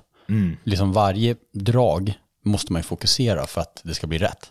Och Precis. för att få in tekniken. Du kan inte stå och lalla och titta bort och så här. Man måste titta, när, när kommer nästa våg? Tajma vågen, tajma rycket och allting liksom. Så att det är väldigt, man är extremt koncentrerad hela dagarna. Det är man ska man göra det så bra som möjligt. Så är det verkligen och det är väl det som skiljer sig mot kanske mycket spinnfiskar hemma. Att står man och spinnfiskar gädda där hemma så känner man betets gång och man får en, skapa sig en känsla hur det rör sig genom, genom spöet, genom lina, genom rullen när man känner i handen. Men här ser man ju gången och här ska du skapa gången uppe på ytan och där har du som du säger de yttre faktorerna, ström, vågor och annat att ta hänsyn till för att ditt bete ska röra sig. Och tekniken är så otroligt mycket viktigare än själva poppern eller hur långt du kastar och så. Sen är ett långkast alltid att föredra. Men har du en bra teknik fångar du mycket, mycket mer fisk än den som lallar. Och den som bara står och vevar in sitt bete helt planlöst eller faktiskt inte ens jobbar med, med poppertekniken överhuvudtaget. Så det är ett ganska tekniskt fiske, men Ja, väldigt skulle jag säga. Ja. Alltså, väldigt, väldigt tekniskt. Eh, man kan ju grotta ner sig i otroligt mycket olika poppers med vilka olika aspekter de har och ljud och allting. Liksom. Det är ju en hel djungel. det är en hel djungel. Och det finns otroligt mycket beten för olika scenarion. Allt från beten som skippar fram snabbt över ytan och beten som gräver ner sig djupt och beten som skapar bubbelspår och beten som bara skvätter som attan. Det finns alla möjliga olika aspekter och det finns lika många teorier som sportfiskare där ute också. Ja. Så, men det, det är väl kanske inte någonting vi behöver grotta in oss allt för djupt i, i här i, i, idag, utan Det kommer vi inte hinna. det hinner vi inte. Nej, precis, och dessutom så kanske det blir alldeles för, för tekniskt avancerat. Men den som har frågor och funderingar om sånt här får mer än gärna kontakta mig på, på Instagram till exempel och skriva ett, eh, ett eh, DM där så, så svarar jag gärna om ni har några frågor eller funderingar på just den utrustning eller även destinationer och val, val av platser och, och sådana saker. Vad, vad, har, vad heter du på Instagram så folk vet? Jag heter E.R. Axner. Eller Eraxner om man nu ska slå ihop det till ett namn. Perfekt. Då, då kan ni hitta honom där och, och skriva frågor kring det tropiska fisket. Och Norge såklart. Självklart, Norge går alldeles utmärkt också. Ska vi köra lite lyssnarfrågor? Ja, det tycker jag. Men först har vi en böna. Ja jäklar, du är... Ja, men vi måste ju få en i alla fall som smakar skit. Ja, du, kör du. Ja, nu kommer vi på ruttna ägget här. Ja, den har den jag fått en dåliga och det var inte så illa faktiskt. Nej, okej. En svart ska du ha alltså. Nej, det ska du inte alls. Vi ska ha den här. Där har vi en. Här har vi en. Mm. Du får välja det och, och ge mig Tar en. Så jag att, den, så att, tar den här i mitten. det är väldigt viktigt att man inte råkar ta en deadfish. Är inte det också vit? Är det, Eh, Nej, den, den här är har rosa. Mm, Ja, vad bra. bra. Ja, precis. ja, vi provar. Skål, skål.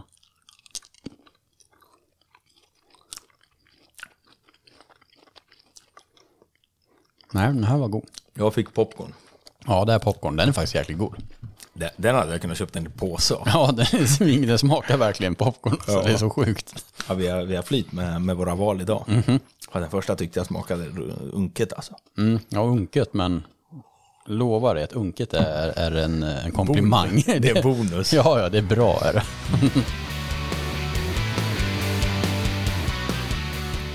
Okej, då kör vi en hej vilt-historia. Ja, det är bara att läsa från toppen och, och köra där så. Jag vet inte, står det att personen vill vara anonym eller? Första meningen. Hej, vill helst vara anonym, men har jobbat med både fiske och fiskat med en hel del personer genom åren. Men Håkan brukar fråga om skithistorier då alltid magen knasar vid fisket. Tänkte att jag kunde bjuda på mina fyra värsta skithistorier och börja med den allra värsta händelsen. Det, det är kul, det, alltså sådana här typer av historier, det är ju väldigt kul. Alltså det är ju något speciellt med, med just när magen rasar vid fiske. För det blir alltid panik och det blir alltid väldigt alltså, sjuka händelser. Ja. Och alltså, efterspel av det här. Det blir alltid någonting som går helt fel. Ja, men det är något, jag tror alla kan relatera till känslan. Även om man inte har skitit ner sig så tror jag man kan relatera till känslan, vilket gör att det blir ännu roligare. Ja, men varsågod, scenen är din. Ja. Jag och min barndomsvän hade laddat fisketuren med Skagenbaguetter och hade en fin junidag framför oss. Vi bestämde oss för att ta varsin av baguetterna innan vi skulle traila i båten i Gamlebyviken. Och redan efter en timme började tarmarna röra sig lite litet ormbo kände jag. Så, så jag bad min polare att köra in mig fort i vassen och hinner bara slita av mig brallorna innan baken börjar spruta lik Katla när hon forcerar sin eldlåga. Så där höll det sen på under förmiddagen och jag fick torka mig med t-shirt och allt möjligt. Sen får jag säga till polaren att nu orkar jag inte mycket mer. Så vi puttrar tillbaka till rampen innan nästa hugg kommer och säger till polaren precis utanför rampen att jag klarar inte att hålla mig. Så jag får slita ner brallorna och hoppa i vattnet. Likt en bläckfisk kommer det ut bruna moln och skit överallt runt om mig. Medan polaren sitter där med händerna framför ögonen. Väl där ser vi en flipperbåt en bit bort med två små knattar med sådana där orangea flytvästar. Och pekar, så försöker dyka och simma bort lite diskret under bryggorna. Så där får polaren sitta utanför rampen medan jag står vid buskarna längre bort halvnaken och väntar tills familjen försvinner. Det jag tycker är fascinerande är att hans polare verkar ju ha en jävla stålmage eftersom han åkte dit med, med ormbostarmar och, och kattlaröv men hans polare bara sitter där i båten och är helt oberörd liksom. ja, han är härdad. Nästa tur var i somras där vi var ett gäng som fiskade utanför Timmernabben och hade lastat i oss varsin pizza vid lunch. Sen började magen sätta igång igen. Och, så, och jag sa att vi måste hitta något ställe snart, så lite panikartat försöker vi hitta någon lämplig skithållplats. Så polaren pekar mot någon fin strand med välklippt gräs på. Likt en stridsbåt åker vi snabbt upp på stranden och jag springer med toarullen mot en liten buske. För hinner inte välja. Väl där går allt på räls och kablarna avlöser varandra. Men när jag sitter där ser jag att det är en promenadstig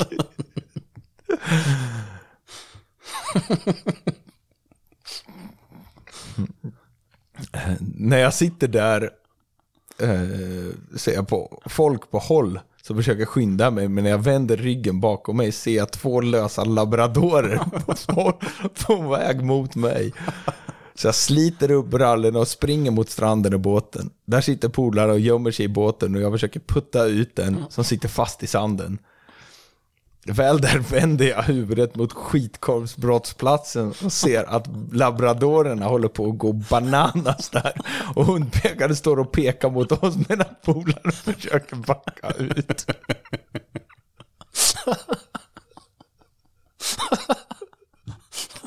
Det är kul när man kommer hem och hundarna har rullat sig totalt i människoskit. Dessutom vet ju hundägaren dessutom vems skit det är, bara att han inte har något ID på honom. Den tredje skithistorien är nog min pinsammaste. Och det var när vi var på väg mot Valdemarsvik för ett gäddpass. Cirka 10-15 minuter innan vi var på plats så var det dags igen att tömma kanalerna. Och få snabbt köra in bil och båt vid vägkanten, lite dåligt parkerat. Tyvärr var det väldigt öppet runt omkring och bara åkrar så jag tänker att jag sätter mig bakom höbalen.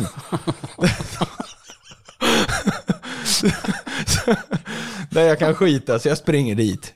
Dock är det en grusväg som passerar höbalen och tänker att här kommer det väl ändå ingen trafik. Och fortsätter att skita på. När jag plötsligt hör något tungt fordon komma. Jag är mitt uppe och kan inte sluta spruta ur baken. Så jag tänker att jag skiter i om det är en lastbilschaufför som ser mitt anus. när jag sen vänder mig om så är där plötsligt en skolbuss full med kids och alla stirrar som sitter mot fönstret. Där och då blir jag helt tom inombords och vill bara försvinna från jorden. Så dålig timing.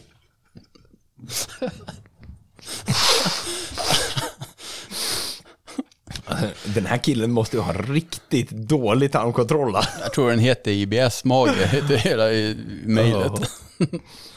Fjärde historien har inget med fiske att göra, men hade opererat mig nyligen och käkat penicillin. Under förmiddagen frågade min farbror mig om jag kunde skjutsa honom när det var skänning i marken. Så på väg hem börjar magen.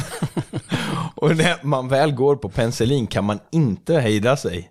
Så vill inte skita ner mig i hans bil. Så jag får glatt tyvärr köra in vid E4 mot kanten och springa fram och sätta mig ner framför motorhuven. Väl där ser jag någon bil svänga in bakom min farbrors bil via lyktorna men håller på att torka mig med piké-t-shirten. Hinner precis få upp byxorna när en kvinnlig polis lyser med fanlampan mot mig. Och hinner inte säga något innan hon lyser med lampan mot min brunblå bajsiga piké-t-shirt. Försöker förklara allt med penicillin och att det var panik, men fick en böter på 1800 kronor samt att jag var tvungen att plocka upp t-shirten. Det var hårt av polisen ändå. Ja, det, jag vet inte om det räknas som offentlig urinering, fast i det här fallet då offentlig, ja, det kanske finns en lag för det. Ja, antagligen fanns det en lag för det, men inte schysst att ge någon böter i den situationen. Nej. Kunde ju tvinga dem att plocka upp, plocka upp pikén, men böter var lite hårt alltså. Ja, och jag lider med den här killen och hans mage, alltså det... det Ja, det, det där med skolbussen tycker jag är helt kul alltså. Ja, helt otroligt. Nej, jag måste nog ändå säga att jag tycker det var roligare att labradorerna gick bananas i hans avföring direkt efter att han har lagt den. Jag tycker att när ägarna tittar när han springer därifrån också. Och försöker backa ut båten och sitter fast i stranden. Och två lösa labradorer utan koppel, det är inte så lätt att hålla dem borta från festmåltiden heller. Nej, det är så hemskt alltså. Uh, Ja, men väldigt, väldigt kul. ja, fantastiskt. Bra historia. Ja, väldigt bra historia. Och det är ju så att du har ju faktiskt skickat in en historia också. Jag har ju det. Den har inte blivit uppläst än, men den kommer. Någon gång kommer den. Ja, tänker inte avslöja vad det är, så att ni kan ju bara gissa vilken som eventuellt är Eriks i framtiden. väldigt bra historia faktiskt. Det, blir, det ser jag fram emot. Vem som ska läsa den, det vet jag inte.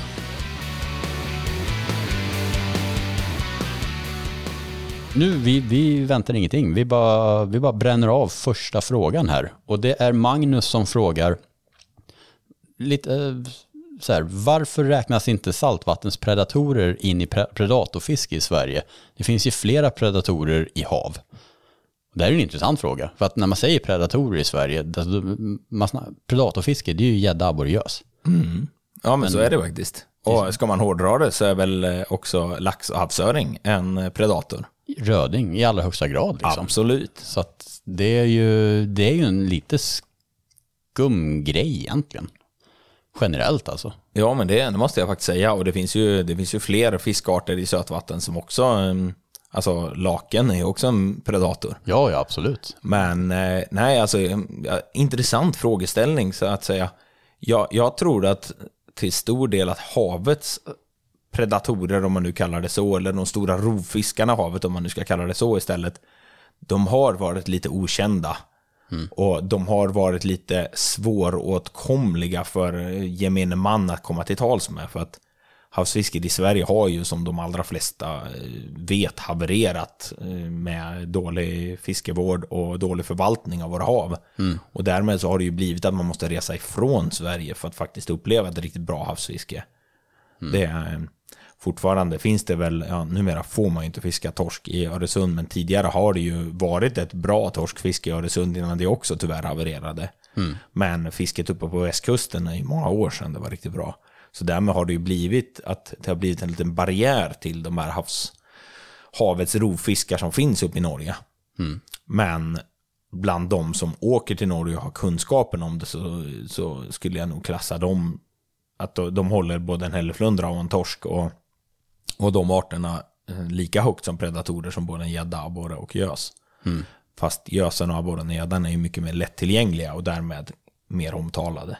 För mm. dit kan man åka på en, en veckodag eller man kan eh, åka en helg och fiska dem. Medan det är lite mer projekt att åka upp till, till Norge.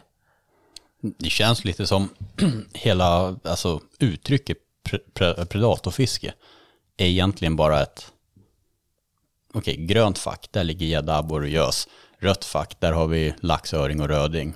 Det, det är bara, det har blivit ett, ett namn, ett samlingsnamn för de här tre arterna. Och det är ju egentligen lite synd för att det är missvisande på ett ja, sätt. Jo, men jag håller med dig, absolut. Eller ej inkluderande. Ja, jo, men, absolut. Men eh, nej, jag har faktiskt inte tänkt över det här tidigare, mm. men jag tycker det är intressant. Mm. Jag själv eh, snackar ju om liksom predatorfiske. Jag skrev till och med en artikel om verktyg för predatorfiske. Mm. Och då, då reflekterade jag enbart på gädda och gös. Ja, alltså, men jag tror vi är så inprint, inpräntade ja. med det här så att jag tror bara det har blivit ett, ett eh, samlingsord för tre arter tyvärr.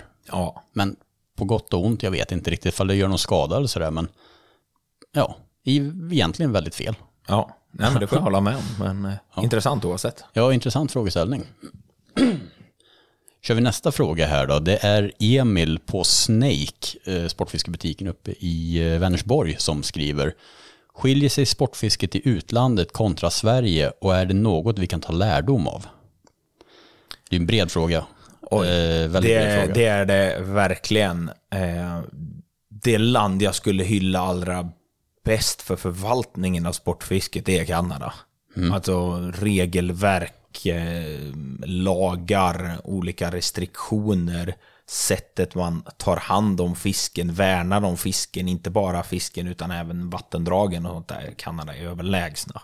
Mm, det är så alltså. Ja, de här störarna, de är, de är heliga. De, de har fattat värdet i, i sportfisket bland de här störarna. Och det, det är sådana otroligt strikta restriktioner för att ens få lov att fiska efter dem. Så att där mm. ligger de i framkant. Det är superkul att höra. Det, det, jag tycker att där, där kan man titta till stor del på när det kommer till olika regelverk och annat hur man skulle kunna förbättra här hemma, helt klart. Mm. Det, det, skulle jag säga. Eh, sen eh, annars överlag, många fiskeplatser, om man tar och tänker exotiskt fiske, det är i ganska, man får ändå kalla det underutvecklade länder, alltså fattiga länder. Där, eh, där det, de här platserna man fiskar på ligger också ofta väldigt otillgängligt, långt ut, långt bort och så vidare. När vi är iväg och fiskar så är det många gånger vi bor i liksom ett betonghus med liksom i princip bara tak och en, en träsäng och ett, ett hål i väggen. Det kommer vatten nu när man duschar liksom. Mm. Det, det är väldigt, väldigt primitivt. Men på något sätt så, på många ställen där man har förstått värdet av sportfiske så är man väldigt duktiga på catch and release. Mm.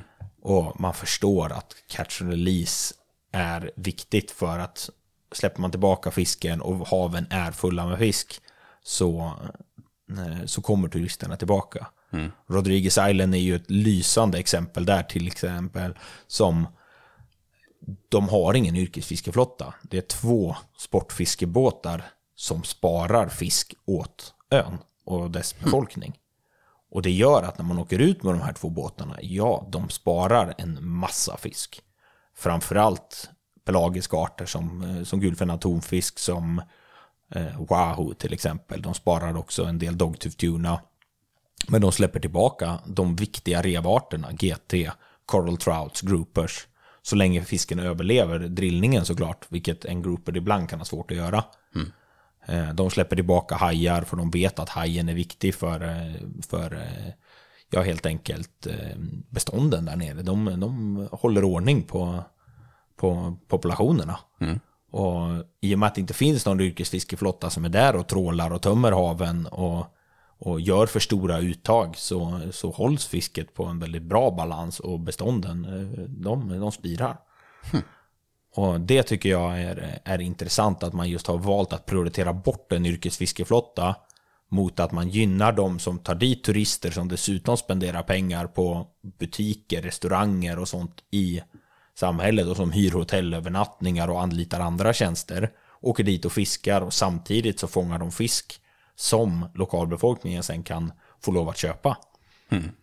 För att de här fiskarna de säljs ju på den lokala marknaden och ser till att, eh, att öns befolkning har, har mat och fisken eh, den går till skolor så att skolbarnen har mat också.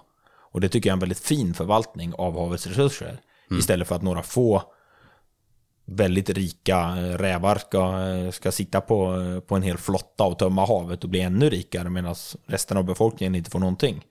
Ja, och förstöra en hel resurs. Precis, precis.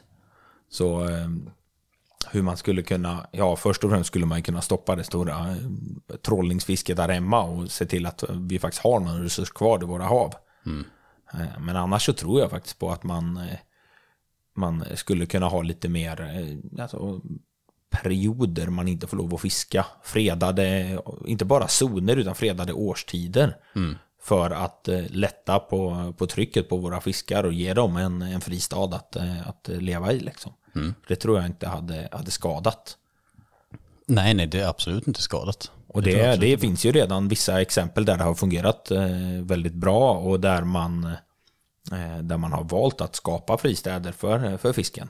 Där man har fredat perioder av året eller vissa till och med vikar och vissa områden i sjöar och sånt.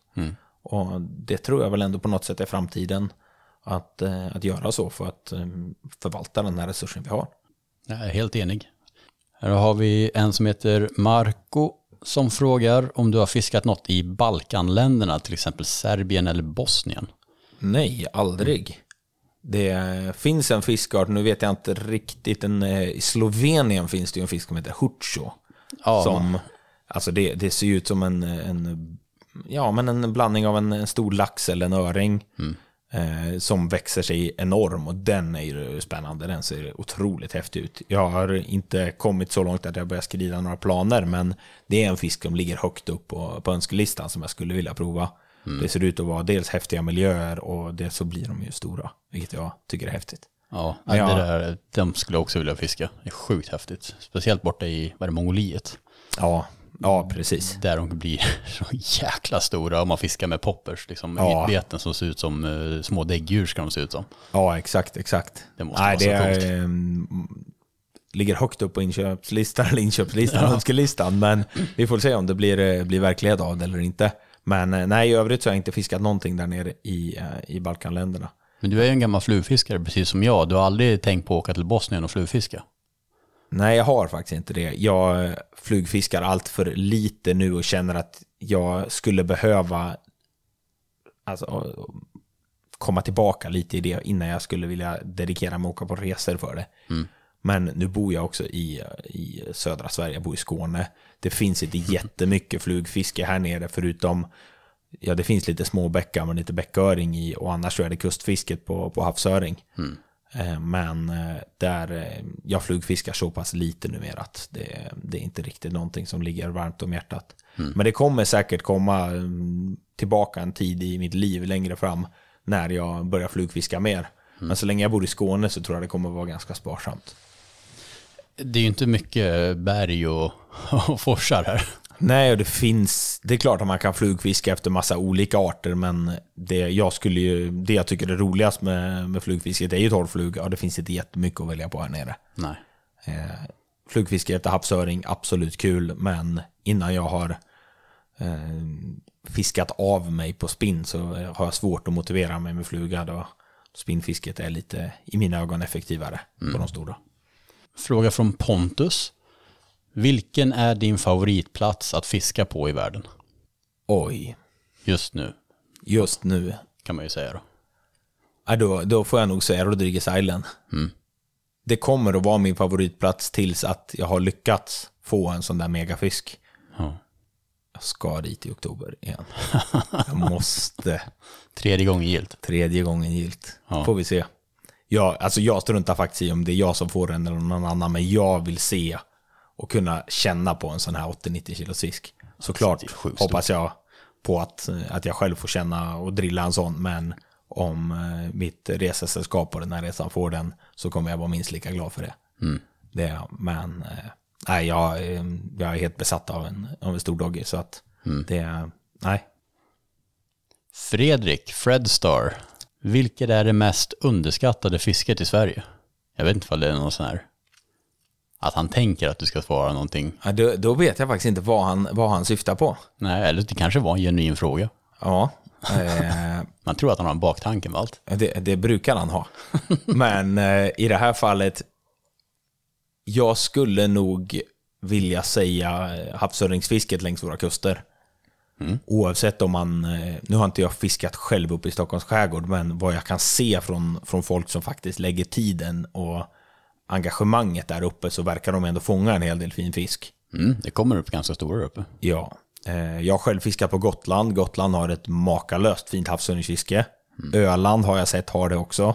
Här i Skåne är det, är det stundtals jättebra. Så det skulle jag faktiskt säga är... eh, Nej, det, det är nog det som de flesta kanske har missat.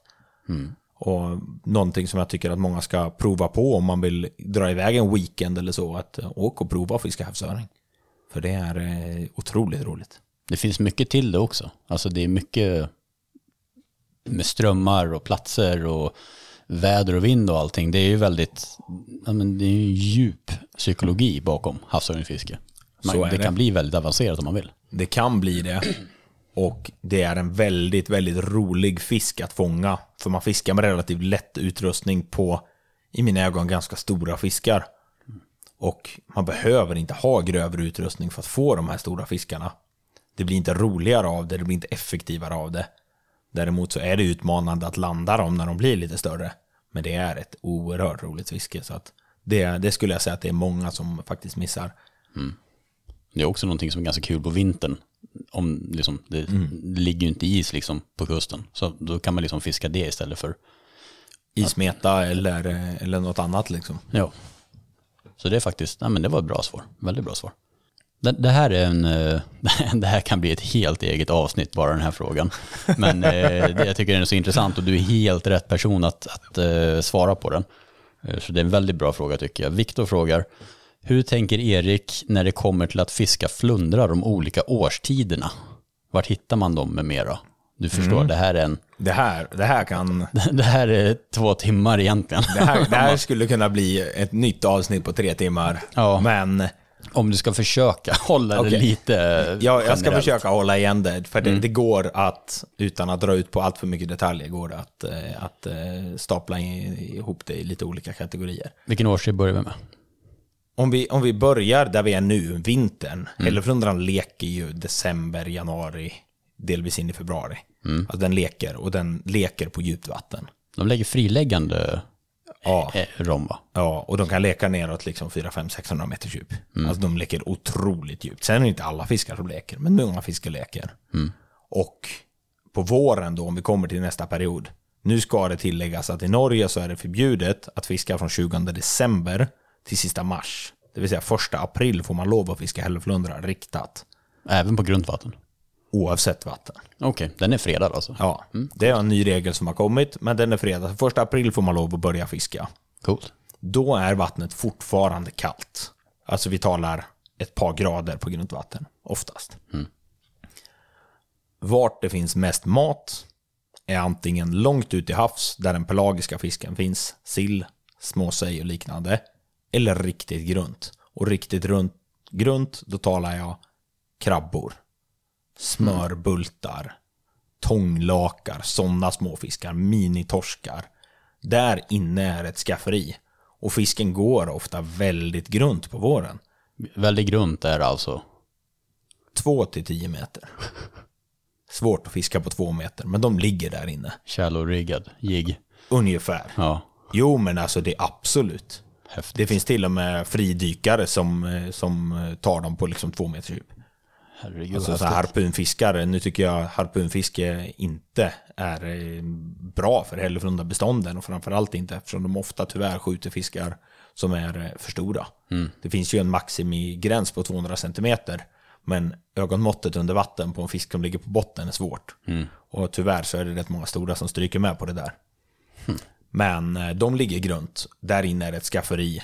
Och på våren så skulle jag säga att grunt fiske är ofta väldigt bra. Coolt. Och annars så är det ofta i närheten av strukturer. Återigen så är det där man hittar maten. Flundrarna hittar maten på grundtoppar och friliggande flak utanför. Så där skulle jag söka fisken.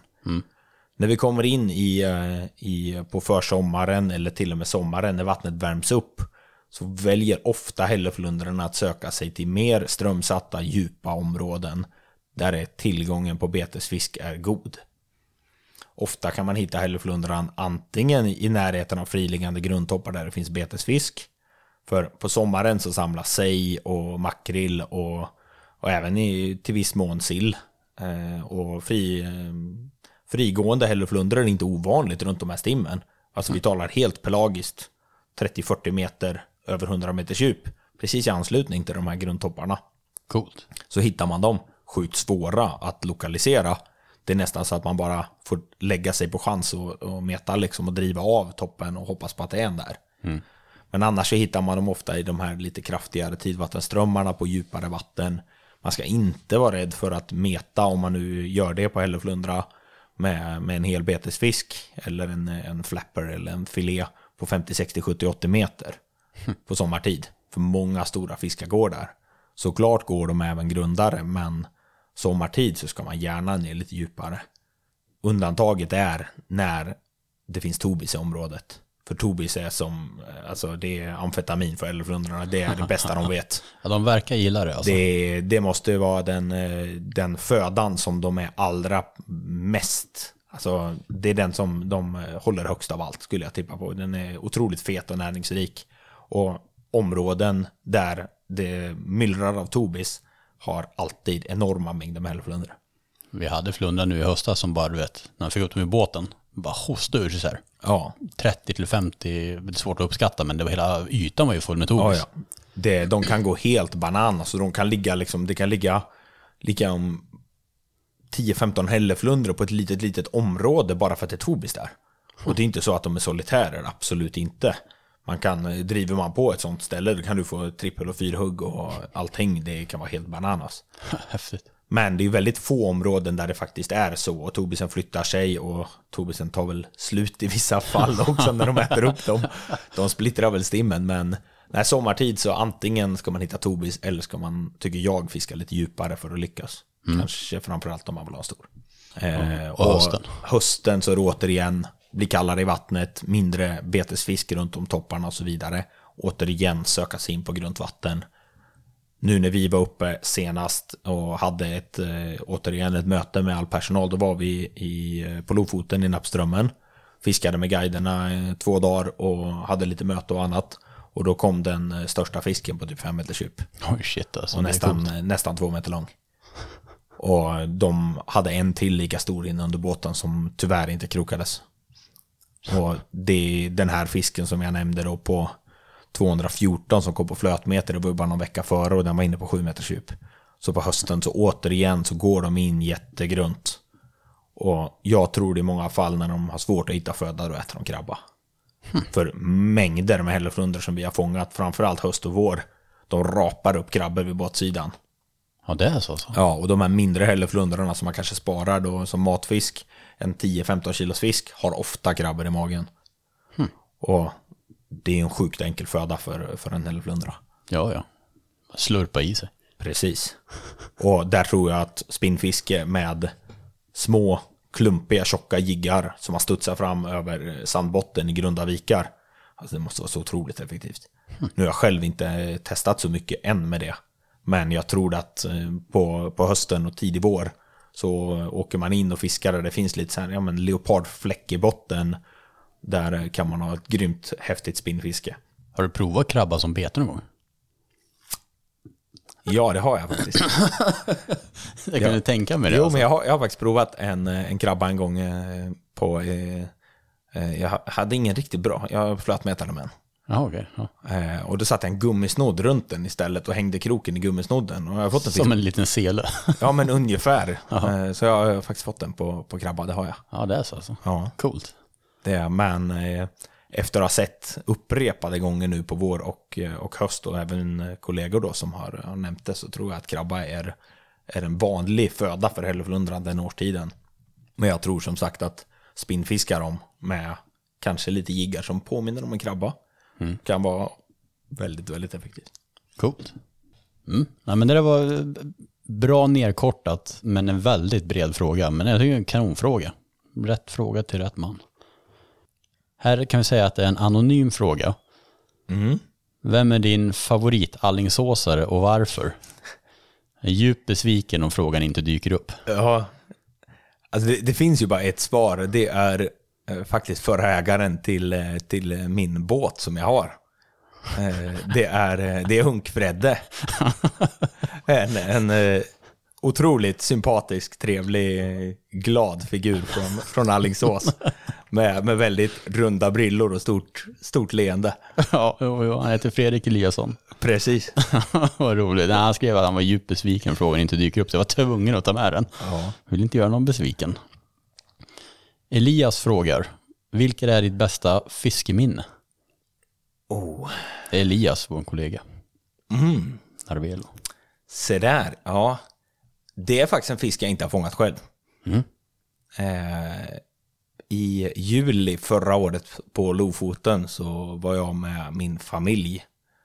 Eller min mamma och hennes eh, sambo, Jag, Thomas. först, jag gissade på att det var den här fångsten. Och eh, vi var uppe för att eh, en fiskevecka. Eh, de har ju varit lite bortskämda genom åren med att eh, vi fångar ganska stora fiskar när vi fiskar upp i Norge.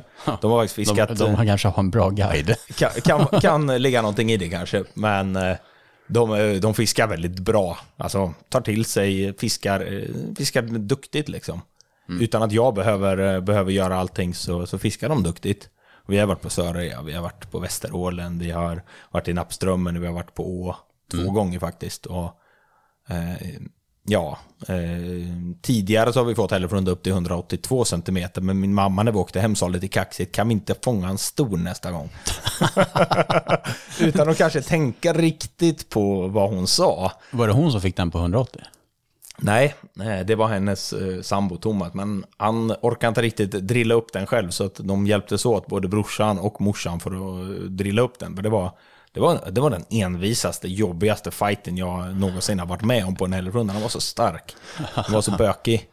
Men i alla fall så var vi på retur på, på Lofoten och jag hade med min eh, flickvän upp dit också. Mm men den här dagen var inte hon med ut på, på vattnet utan jag var ute med min eh, mamma då och eh, Thomas. Och vi var ute ganska, ganska tidigt på, på morgonen, det var så ruggigt, regnigt väder. Men det var bra strömförutsättningar och på Å är det en förutsättning för att lyckas med hälleflundrafisket. Att man fiskar på rätt strömcykel för att kunna välja plats. Och den platsen jag ville fiska på var på morgonen där, så att vi gav oss ut. Och, och han väl... Det var första driften, nej det var andra driften på morgonen. Och eh, vi fiskade tre olika betesfiskar och det här nämnde jag faktiskt i förra programmet också att eh, den eh, största fisken jag sett kom inte på det största betet, även fast den hade möjligheten. För jag fiskade en stor död sej, alltså stor så att man ifrågasätter det. Om den, om den ska användas som bete, men gör en stor sej.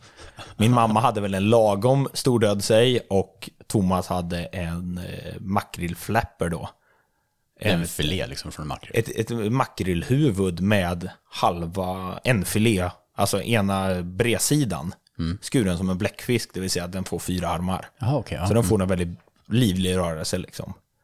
Och vi eh, driver på där och strömvändningen kommer och strömvändningar är hett. Eh, varför vet jag inte, men det är hett. Kanske är det för att ibland råkar man lägga sig och båten ligger still ovanpå en stor fisk. En lat jävel som bara råkar andas in den till slut. Jag vet inte.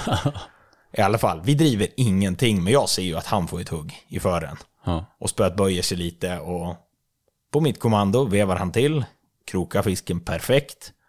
Och det bara, det var stumt. Och det bara, alltså det är verkligen tvärstumt. Jag ser ju att det är fisk, men han fattar inte att det är fisk. Han tror att det är botten. Ja. Och han håller på där en stund och för mig är det ganska uppenbart att det här är fisk, men till slut så ställer han frågan till mig, "Vad är- det här verkligen fisk? Du får känna efter. Så jag får spöet av honom och jag vevar ner det. Alltså det är så tungt. Och jag vevar till en gång till och jag känner det lättar, li det lättar lite. Det är en fisk. Snabbt som tusan så bara, den här ska inte jag ha. Jag har inte krokat den här, jag kan inte ta den här. Så sa jag till morsan, bara, då får du ta den.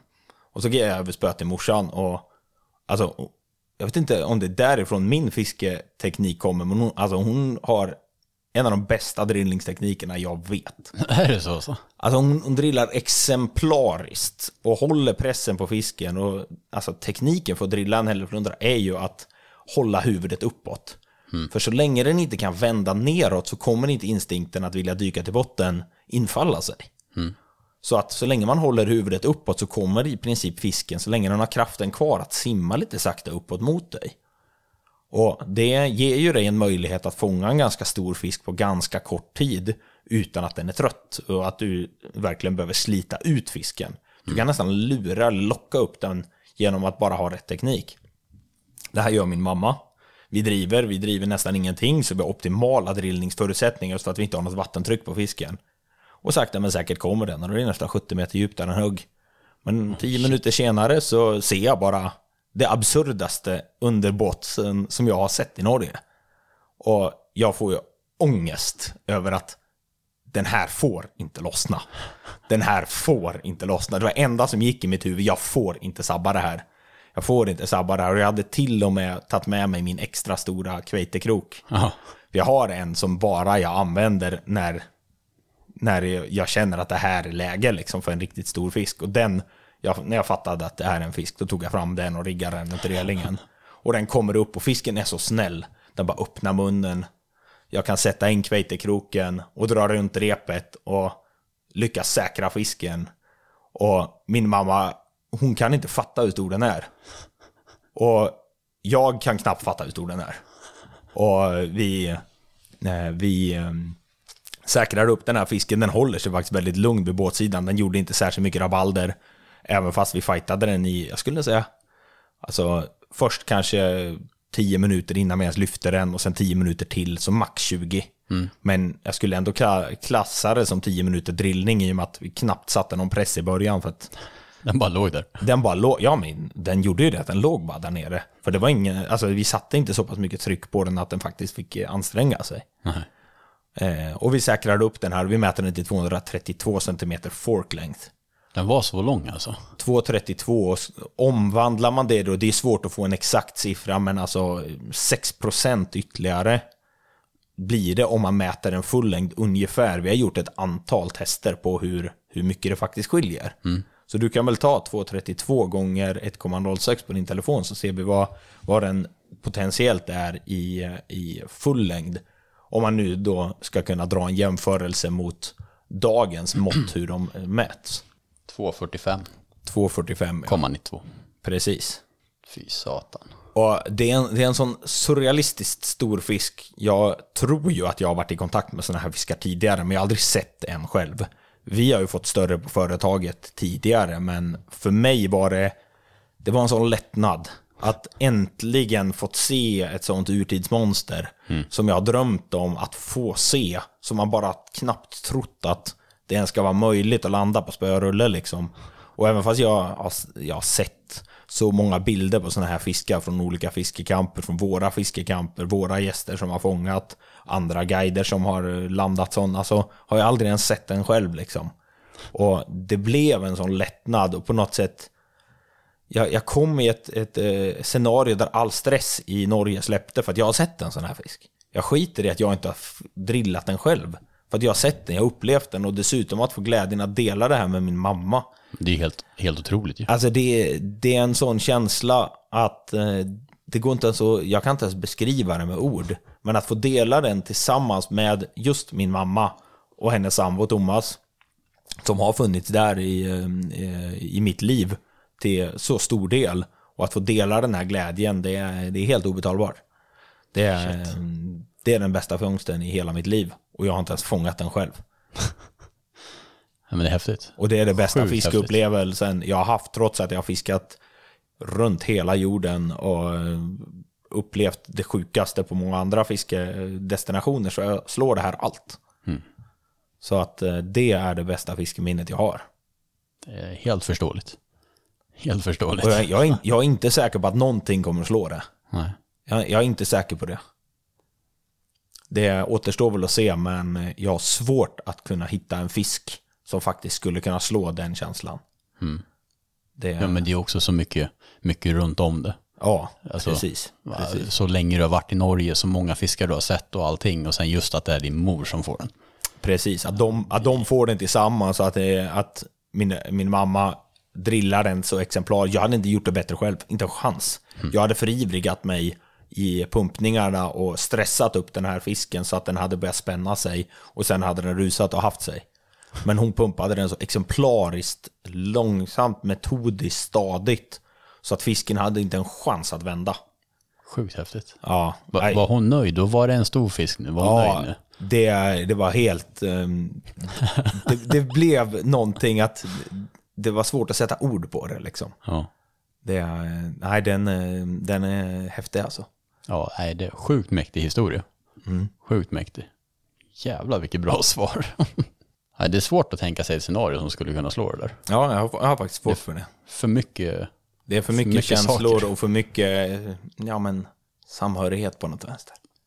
En ny fråga. Vi var inne lite på det här i förra avsnittet där. Mest prisvärda eller underskattade resmålet för en unik fiskeupplevelse utanför Sverige? Alltså det är ju svårt att slå Norge prismässigt. För att det är inte så dyrt att åka till Norge. Nej, det är väldigt, väldigt... Beroende på vart man bor i Sverige. Bor man i norra Sverige, då åker man ju bil. Och då är det skitbilligt att ta sig upp.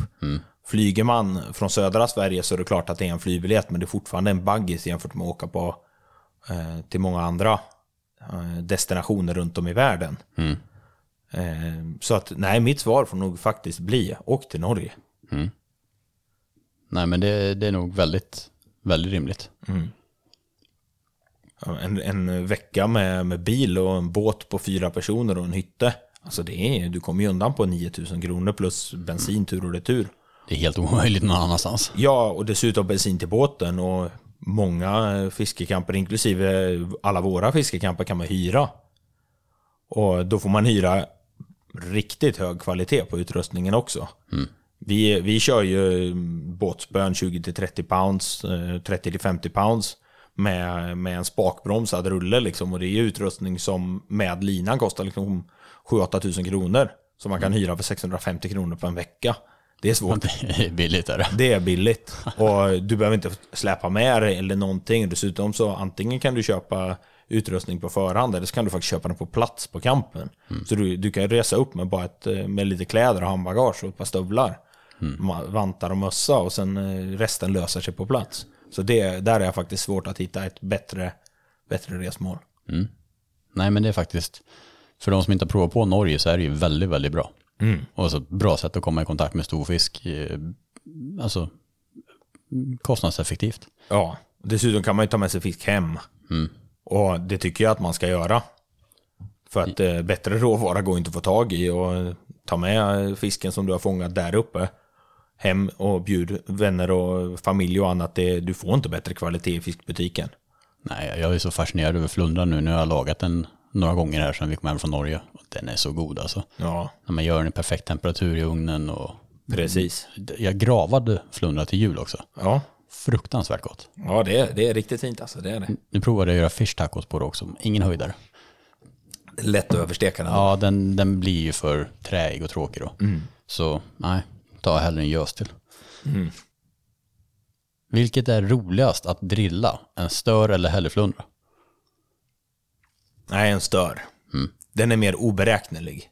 Ja, det är så. Ja, du vet aldrig vad en stör gör. En hälleflundra vet du antingen spänner den emot, eller går till botten, eller så är den stum. Eller följer med, eller tung liksom. En stör, höger, vänster, upp och ner, fram och tillbaka och ur vattnet. Stör, definitivt. Ja, kul att höra. Det här är en eh, kanonfråga från Dahléns fiske. Vilken betesfisk föredrar du på mete efter hälleflundra och hur tungt sänke kör du med? Om vi börjar med sänket så beror det på yttre faktorer och förutsättningar. Det är som vid allt mete egentligen. Precis. Flötmetet Oftast 250 gram. Inte någon tyngd, alltså ett sänk eller något. En svenskepilk. En blank svenskepilk. Är det så? Det är ett lockblänke. Det, alltså, av alla olika sänkestyper, en blank svenskepilk på ett flötmete fångar så otroligt mycket mer fisk än allt annat. Ja, den trasslar lite. Men skit i det. Den är så effektiv. Det, är- alltså, det är som ett, ett rödingblänke eller en, en flasher på lax eller, eller vad som helst. Eh, Alltså, det lockar fisk. Ja. Och eh, eftersom flötmetet driver fritt så trasslar det väldigt sällan. Men någonting är det med att flötet guppar lite i vågorna och den här svenska pilken blänker fram och tillbaka. Jag märker en enorm skillnad på att använda svenska pilk kontra att eh, använda en, en vanlig blytyngd eller något sånt här bananbly eller liknande. Däremot övrigt traditionellt mete så, så föredrar jag de här eh, bananblyna, de här som heter eh, Halibut Anti-Twist Rig eh, från, eh, från Bestin. Finns självlysande och orangea. Av någon anledning så verkar orange falla de riktigt stora hälleflundrorna i smaken. Jag kan inte svara på varför, men det fångas för många stora hälleflundror på orange för att det ska vara slump. Det var som tusan. Och vad det beror på, det vet jag inte. Rosa är också en väldigt, väldigt bra färg på sänket. Hur det nu kan spela någon roll, men det fångas för många på rosa och orange för att det, för att det inte ska, ska fungera. Och den här knallorangea, vi fångade vår på 2,32 på den också. Och jag har fångat merparten av mina stora eh, på, på det och kollegorna gör det. Alltså, nu är det såklart att det blir en liten trend att alla använder det, men även våra gäster som väljer slumpvis och köper det. Alltså, det är oftare där orangea sänket syns i bilden. Alltså. Skumt alltså. Ja. Men när, vi, när jag kör driftfiske överlag, så länge jag inte fiskar supergrunt, så 450 gram. Och eh, hade det funnits tyngre i vissa lägen så hade jag valt ett tyngre. Men 450 gram tycker jag, det, det räcker gott och väl. Ja. Eh, betesfisk varierar lite. Också beroende på yttre omständigheter och så vidare. Eh, finns det makrill i området så tycker jag makrillen är väldigt bra. Framförallt för mängdfisket eller för att fånga en hälleflundra. Eh, nu har vi fångat eh, den största i min båt på en makrill, men annars skulle jag nog säga att vill man ha en riktigt stor så tycker jag en, en eh, stor sig är ett bättre val. Just för att du kan gå upp lite i storlek och sålla ut lite.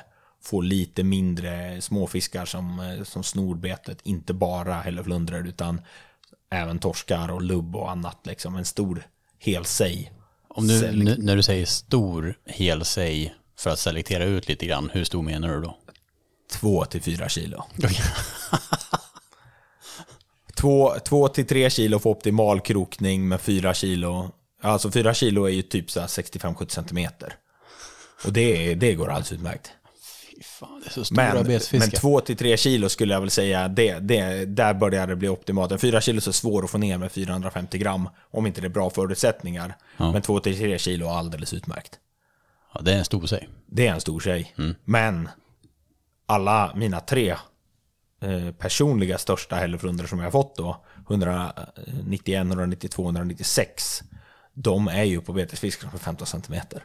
Men de har ju också, två av dem har tagit på väldigt, väldigt grunt vatten.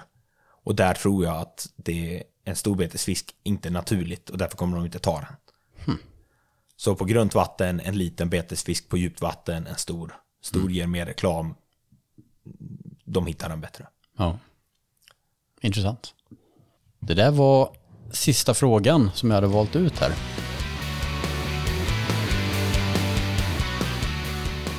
Glöm inte bort att gå in på timeisfish podcast på Instagram och delta i Latitude 65s utlottning under avsnittsbilden. Kom ihåg, det är en tävling per avsnitt med Erik Axner, så missa inte att delta i bägge. Tusen tack till Latitude 65 för att ni har varit med från början och gör den här podden möjlig.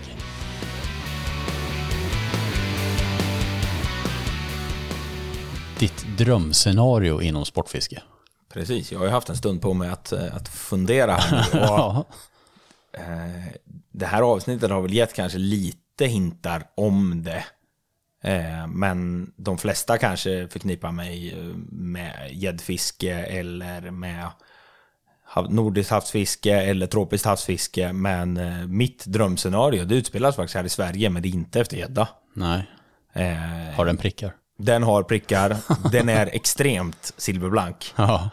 Och eh, den fångas här i Skåne. Eh, jag har en fiskeplats som ligger mig varmt om hjärtat. Det är, det är besvärligt att ta sig dit, det är jobbigt att ta sig dit. Det, eh, det går liksom inte att köra bil dit och man, man måste traska rätt länge för att ta sig till den här platsen. Eh, vilket gör att man ofta får vara i fred på den här platsen. Men eh, Bara så att folk hänger med nu, det- är havsöring vi pratar om. Vi talar havsöring, Ja, precis. exakt. precis. Men såklart finns det vissa entusiaster som också har, har hittat hit till den här platsen. Men det är en plats där du ofta inte får så mycket, om ens något. Men chansen på den här platsen att dra en riktigt stor, den, den finns. Och en riktigt stor fisk, alltså då talar inte jag 70 centimeter, utan då talar jag det som jag har som mitt drömscenario. Det är liksom en havsöring på över 90 centimeter från kusten. Och det fångas inte jättemånga sådana, om ens kanske någon per år. Men de har fångats, de finns där. De finns i Östersjön, de kommer upp i de, eh, de sydliga åarna, de går upp i, i Mörrumsån, de går upp i eh, Råån, de går upp i Nybråån, de, de finns där. Men att, att lyckas tajma dem och ta dem på kusten, det är svårt. Men den här, den här eh, fiskeplatsen eh, fiskar ofta väldigt bra på, på våren. Men inte tidig vår utan snarare när värmen har infallit lite och det har börjat blomma i träden och så vidare. Behaglig tid på året. Behaglig tid på året, ja precis. Precis, det här är, det här är någon gång i april. Eh, och jag är där i gryningen. Alltså alla som bor i Skåne och vet april så är gryningen typ fyra.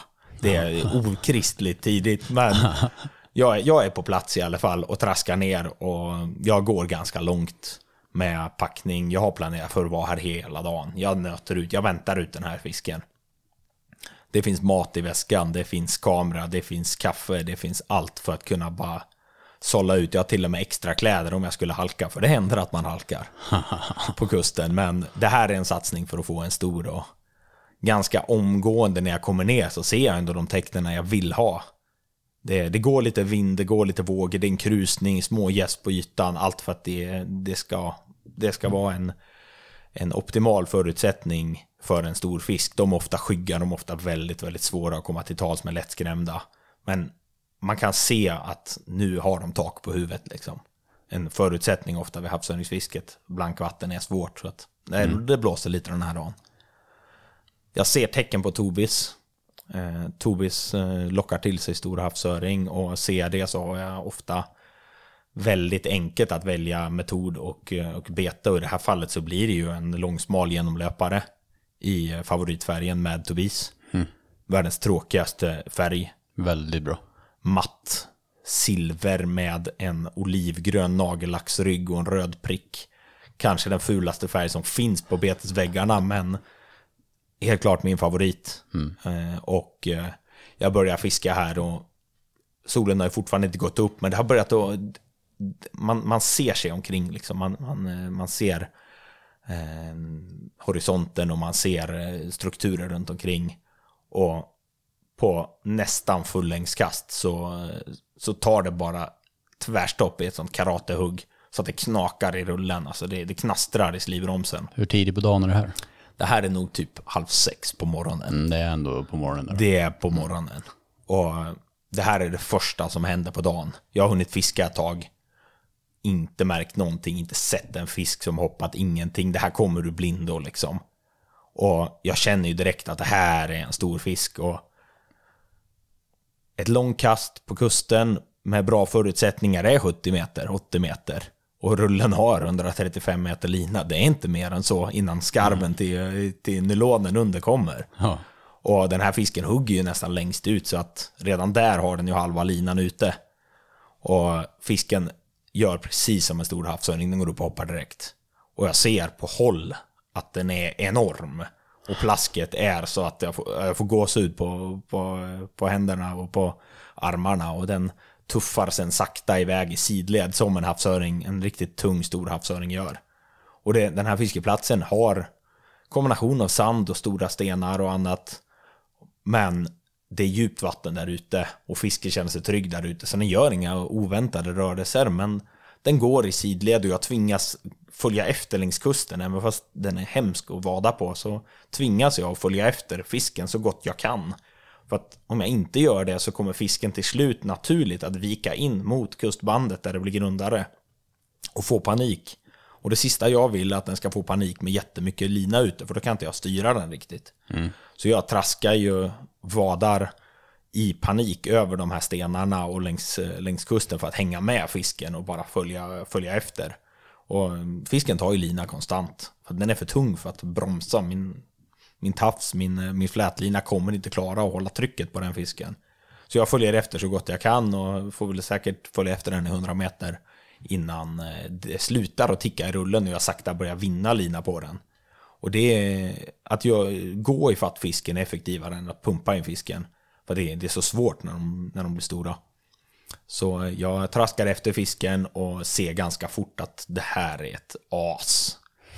Och den är så hög så den påminner om en sån här riktigt eh, smällfet Östersjölax. Liksom. Den, det, det, är svårare att, uh, att gå över den än att, uh, att gå runt. Liksom. Ja.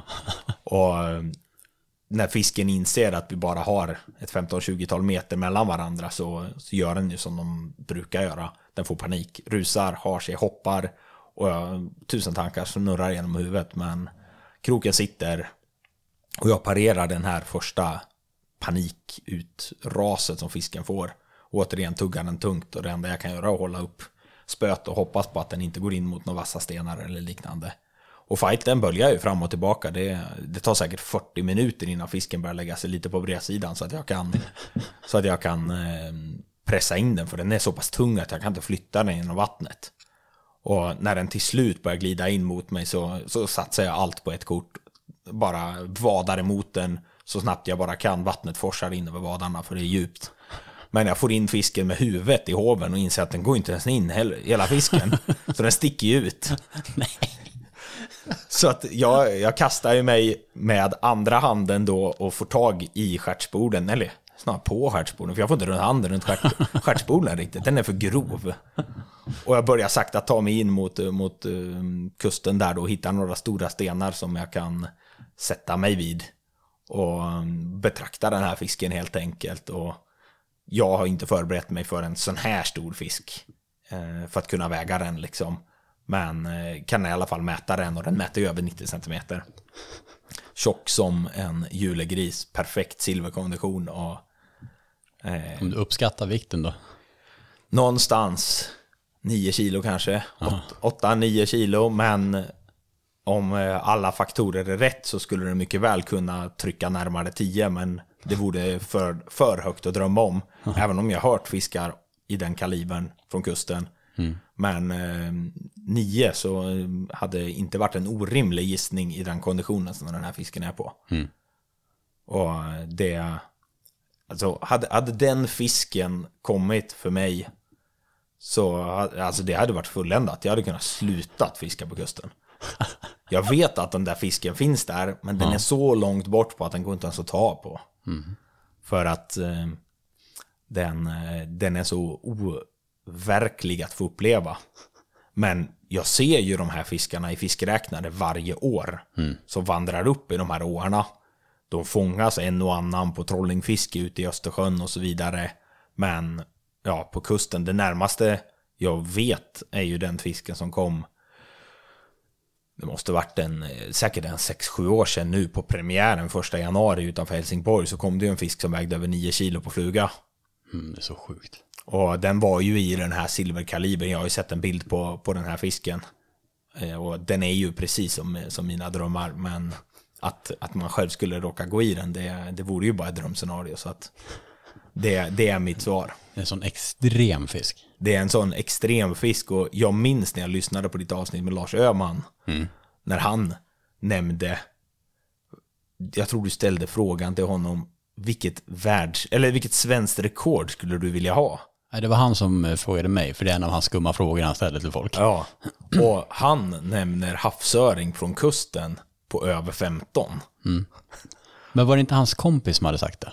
Hans kompis hade svarat honom. Ja, det kanske var så ja. Jag, kommer, jag måste nästan För, lyssna för om det han, här han avsnittet. återberättade nog eh, att han frågade sin kompis det. Ja. Och han eh, sa eh, att, ja, havsöring. Ja. Eh, liksom att ta svenskt rekord i havsöring och det, det är väl någonstans där omkring. ja, det jag tror det är typ 15 och 2.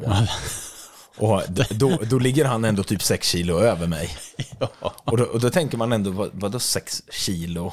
Men det var inte en, det var inte en, en drömscenario utan det var bara vilken, vilket rekord skulle Ja, du vilja ta? Ja.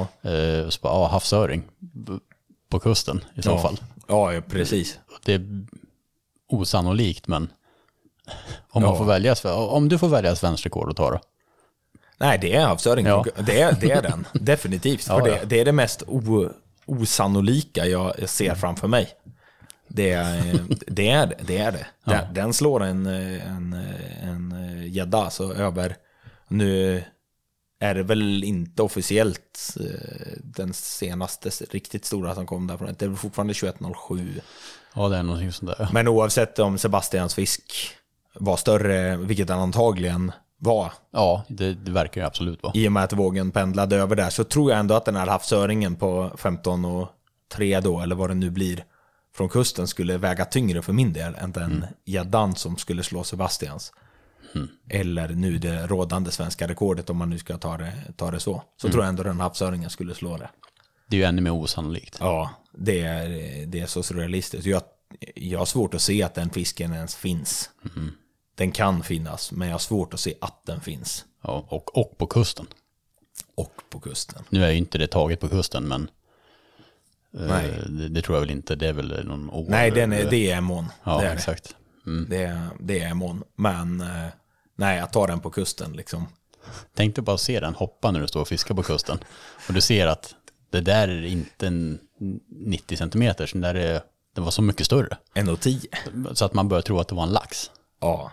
Att det var en sån här vandringslax på oändligt stor. Ja, ja, precis, precis. Nej, det är, det är helt sjukt, men mitt drömscenario, det räcker gott och väl med 9 kilos från Ja, det kusten. förstår jag. Men det, det är ju ett drömscenario som är helt, liksom, det är ett rimligt drömscenario. Tycker jag är kanon. Riktigt jäkla bra. Det jag satt där från Bonola, det lät som att du berättade en fiskehistoria som, det- så här gick det till när jag fångade min 90-plussare. Ja, ja, ja. ja men det, det- alltså, det här var i sjuka mycket det- detalj. Det här, ja, ja, men det- det här har ju utspelat sig i mitt huvud när jag står där på kusten. Mm. Vad händer när det tar tvärstopp där ute? Hur stor är den? Det, nu har jag, alltså jag har inte ens varit i närheten av en sån fisk på kusten. Alltså, i, inte i silverblank skrud. Jag har fått över 90 cm som utlekt. Ja, du har det? Ja. Eh, Men jag har eh, alltså riktiga sådana här vrakfiskar som, eh, som man ens knappt vill röra i, men de, de hugger ju fortfarande. Ja. Eh, Men eh, silverblank skrud har jag inte varit i närheten av det. Jag tappade en riktigt stor fisk, men den såg jag aldrig, men den var så, alltså, den var så stor, den var så tung, så att jag har eh, svårt att säga vad, vad den var. Eh, Men den betedde sig inte som någon annan typ av fisk jag ens har varit i närheten av, så den kan ha varit hur stor som helst. Frågan då, när du kör genomlöpare, Ja. enkelkrok eller trekrok? Enkel, bara. Ja. Det, jag ska aldrig för mitt liv sätta på en trekrok. Nej, det är så roligt att höra den där. Vissa är ju tvärtom liksom. Jag vet. Men jag, jag klarar inte av trekrokarna. Det, det går bara inte. Jag förstod att du hade en stark åsikt om det här. Ja, nej men det, det är så. Jag kan, jag kan knappt ens fiska med en trekrok på, på kusten. För att jag har så dåligt självförtroende men jag har tappat för många stora. Ja. Och sen jag började med enkelkrok så, så har det gått bättre. Men när en enkelkrok sitter, Ja, då är det ingen yttre påverkan som gör att den kan lossna. Sen kan den slitas loss eller bygga upp ett hål och ramla ur. Men kroken sitter ju extremt bra när den väl sitter. det gör den ju. Och den sätter sig bättre i en, eh, en hård, stor mun i min åsikt än vad en trekrok gör. Nu har inte jag testat olika typer av sådana här release-riggar och annat. Eh, Så att jag ska inte uttala mig om det. Det kanske är effektivt, jag har ingen aning. Men jag har sett de som har fiskat tillsammans med mig med de här riggarna och de har ju spenderat mer tid att rigga upp dem mellan alla bottennapp och tångrusker än vad de faktiskt har fiskat. Så att jag känner att då fiskar jag hellre med en enkel krok och matar på som en maskin där på kusten än att stå och rigga min rigg till perfektion. Ja. För jag tror att det ger mig fler fiskar i det långa loppet än att stå och rigga om den där kroken så att den sitter helt perfekt. Det, jag hade ju en, en bra fisk på i, i somras eh, som tyvärr eh, sprängde tafsen i eh, ett hopp. Oj, shit alltså. Vad Den- kör jag för tjocklek på tafsen? 0,45. Ja, det ska ju inte hända. Det ska inte hända. Men jag tror att, att den skadade tafsen i hugget. För att en stor öring, framförallt under sommaren när de ändå har utvecklat lite kraftigare käkparti inför leken, men fortfarande har silverblank skrud. De har ganska vassa tänder. Träffade den mitt på knuten eller mitt på tafsen och sen hoppar upp och snurrar in sig, vilket jag tror att den gjorde. För att den, den satt ändå på lite efter hoppet innan den lossnade, men det var, det var nästan som att man kände att den gled bort. Och jag tror att den landade på tafsen och att tafsen gick av på grund av att den hade skadat den. Men den, den var stor alltså, den var stor. Hur stor är svårt att säga, men det var den största jag haft på på länge. Och den hoppade ju 70 meter långt ut. Så att silver, silverblank som en spegel och så bara försvann den. Drömmen lever kvar. Drömmen lever kvar Ja. och jag ger mig inte. Nej. Nej, fantastisk historia. Det var, det var ett jättekul exempel på ett drömscenario. Nu ska jag hoppa in i bilen och köra till, till vårt kära grannland. Uh, Stefan har släppt mig över mig över gränsen här ikväll.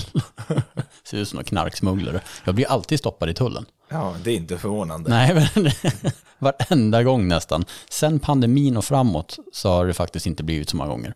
Men innan pandemin, alltså i nio års tid, jag åkte ju mycket fram och tillbaka med möten för, eh, med säljmöten. Varenda gång stoppar de mig. De har ju gått igenom min bil med hund och grejer till och med. Varenda gång. Det är helt otroligt alltså. Eh, Och eh, ja, för alla er som har orkat er igenom det här avsnittet med, med Erik Axner. Tack så jättemycket. Och Erik, tack så jättemycket för att du ställde upp och, och var med i den här podden. Kul att jag fick eh, chansen att vara med och dela med mig lite av mina tokigheter och Ja, min, eh, min kunskap. mm. tack så jättemycket för att ni har lyssnat. Ha det så bra allihop. Om ni gillade det här avsnittet och vill ha hela avsnitt publicerade direkt när jag är klar med klippning så ladda ner Podbean-appen och bli en supporter av podden genom att bli en patron. Ni får då tillgång till hela avsnitt en vecka före publicering helt utan avbrott. Tusen tack för att ni stöttar podden.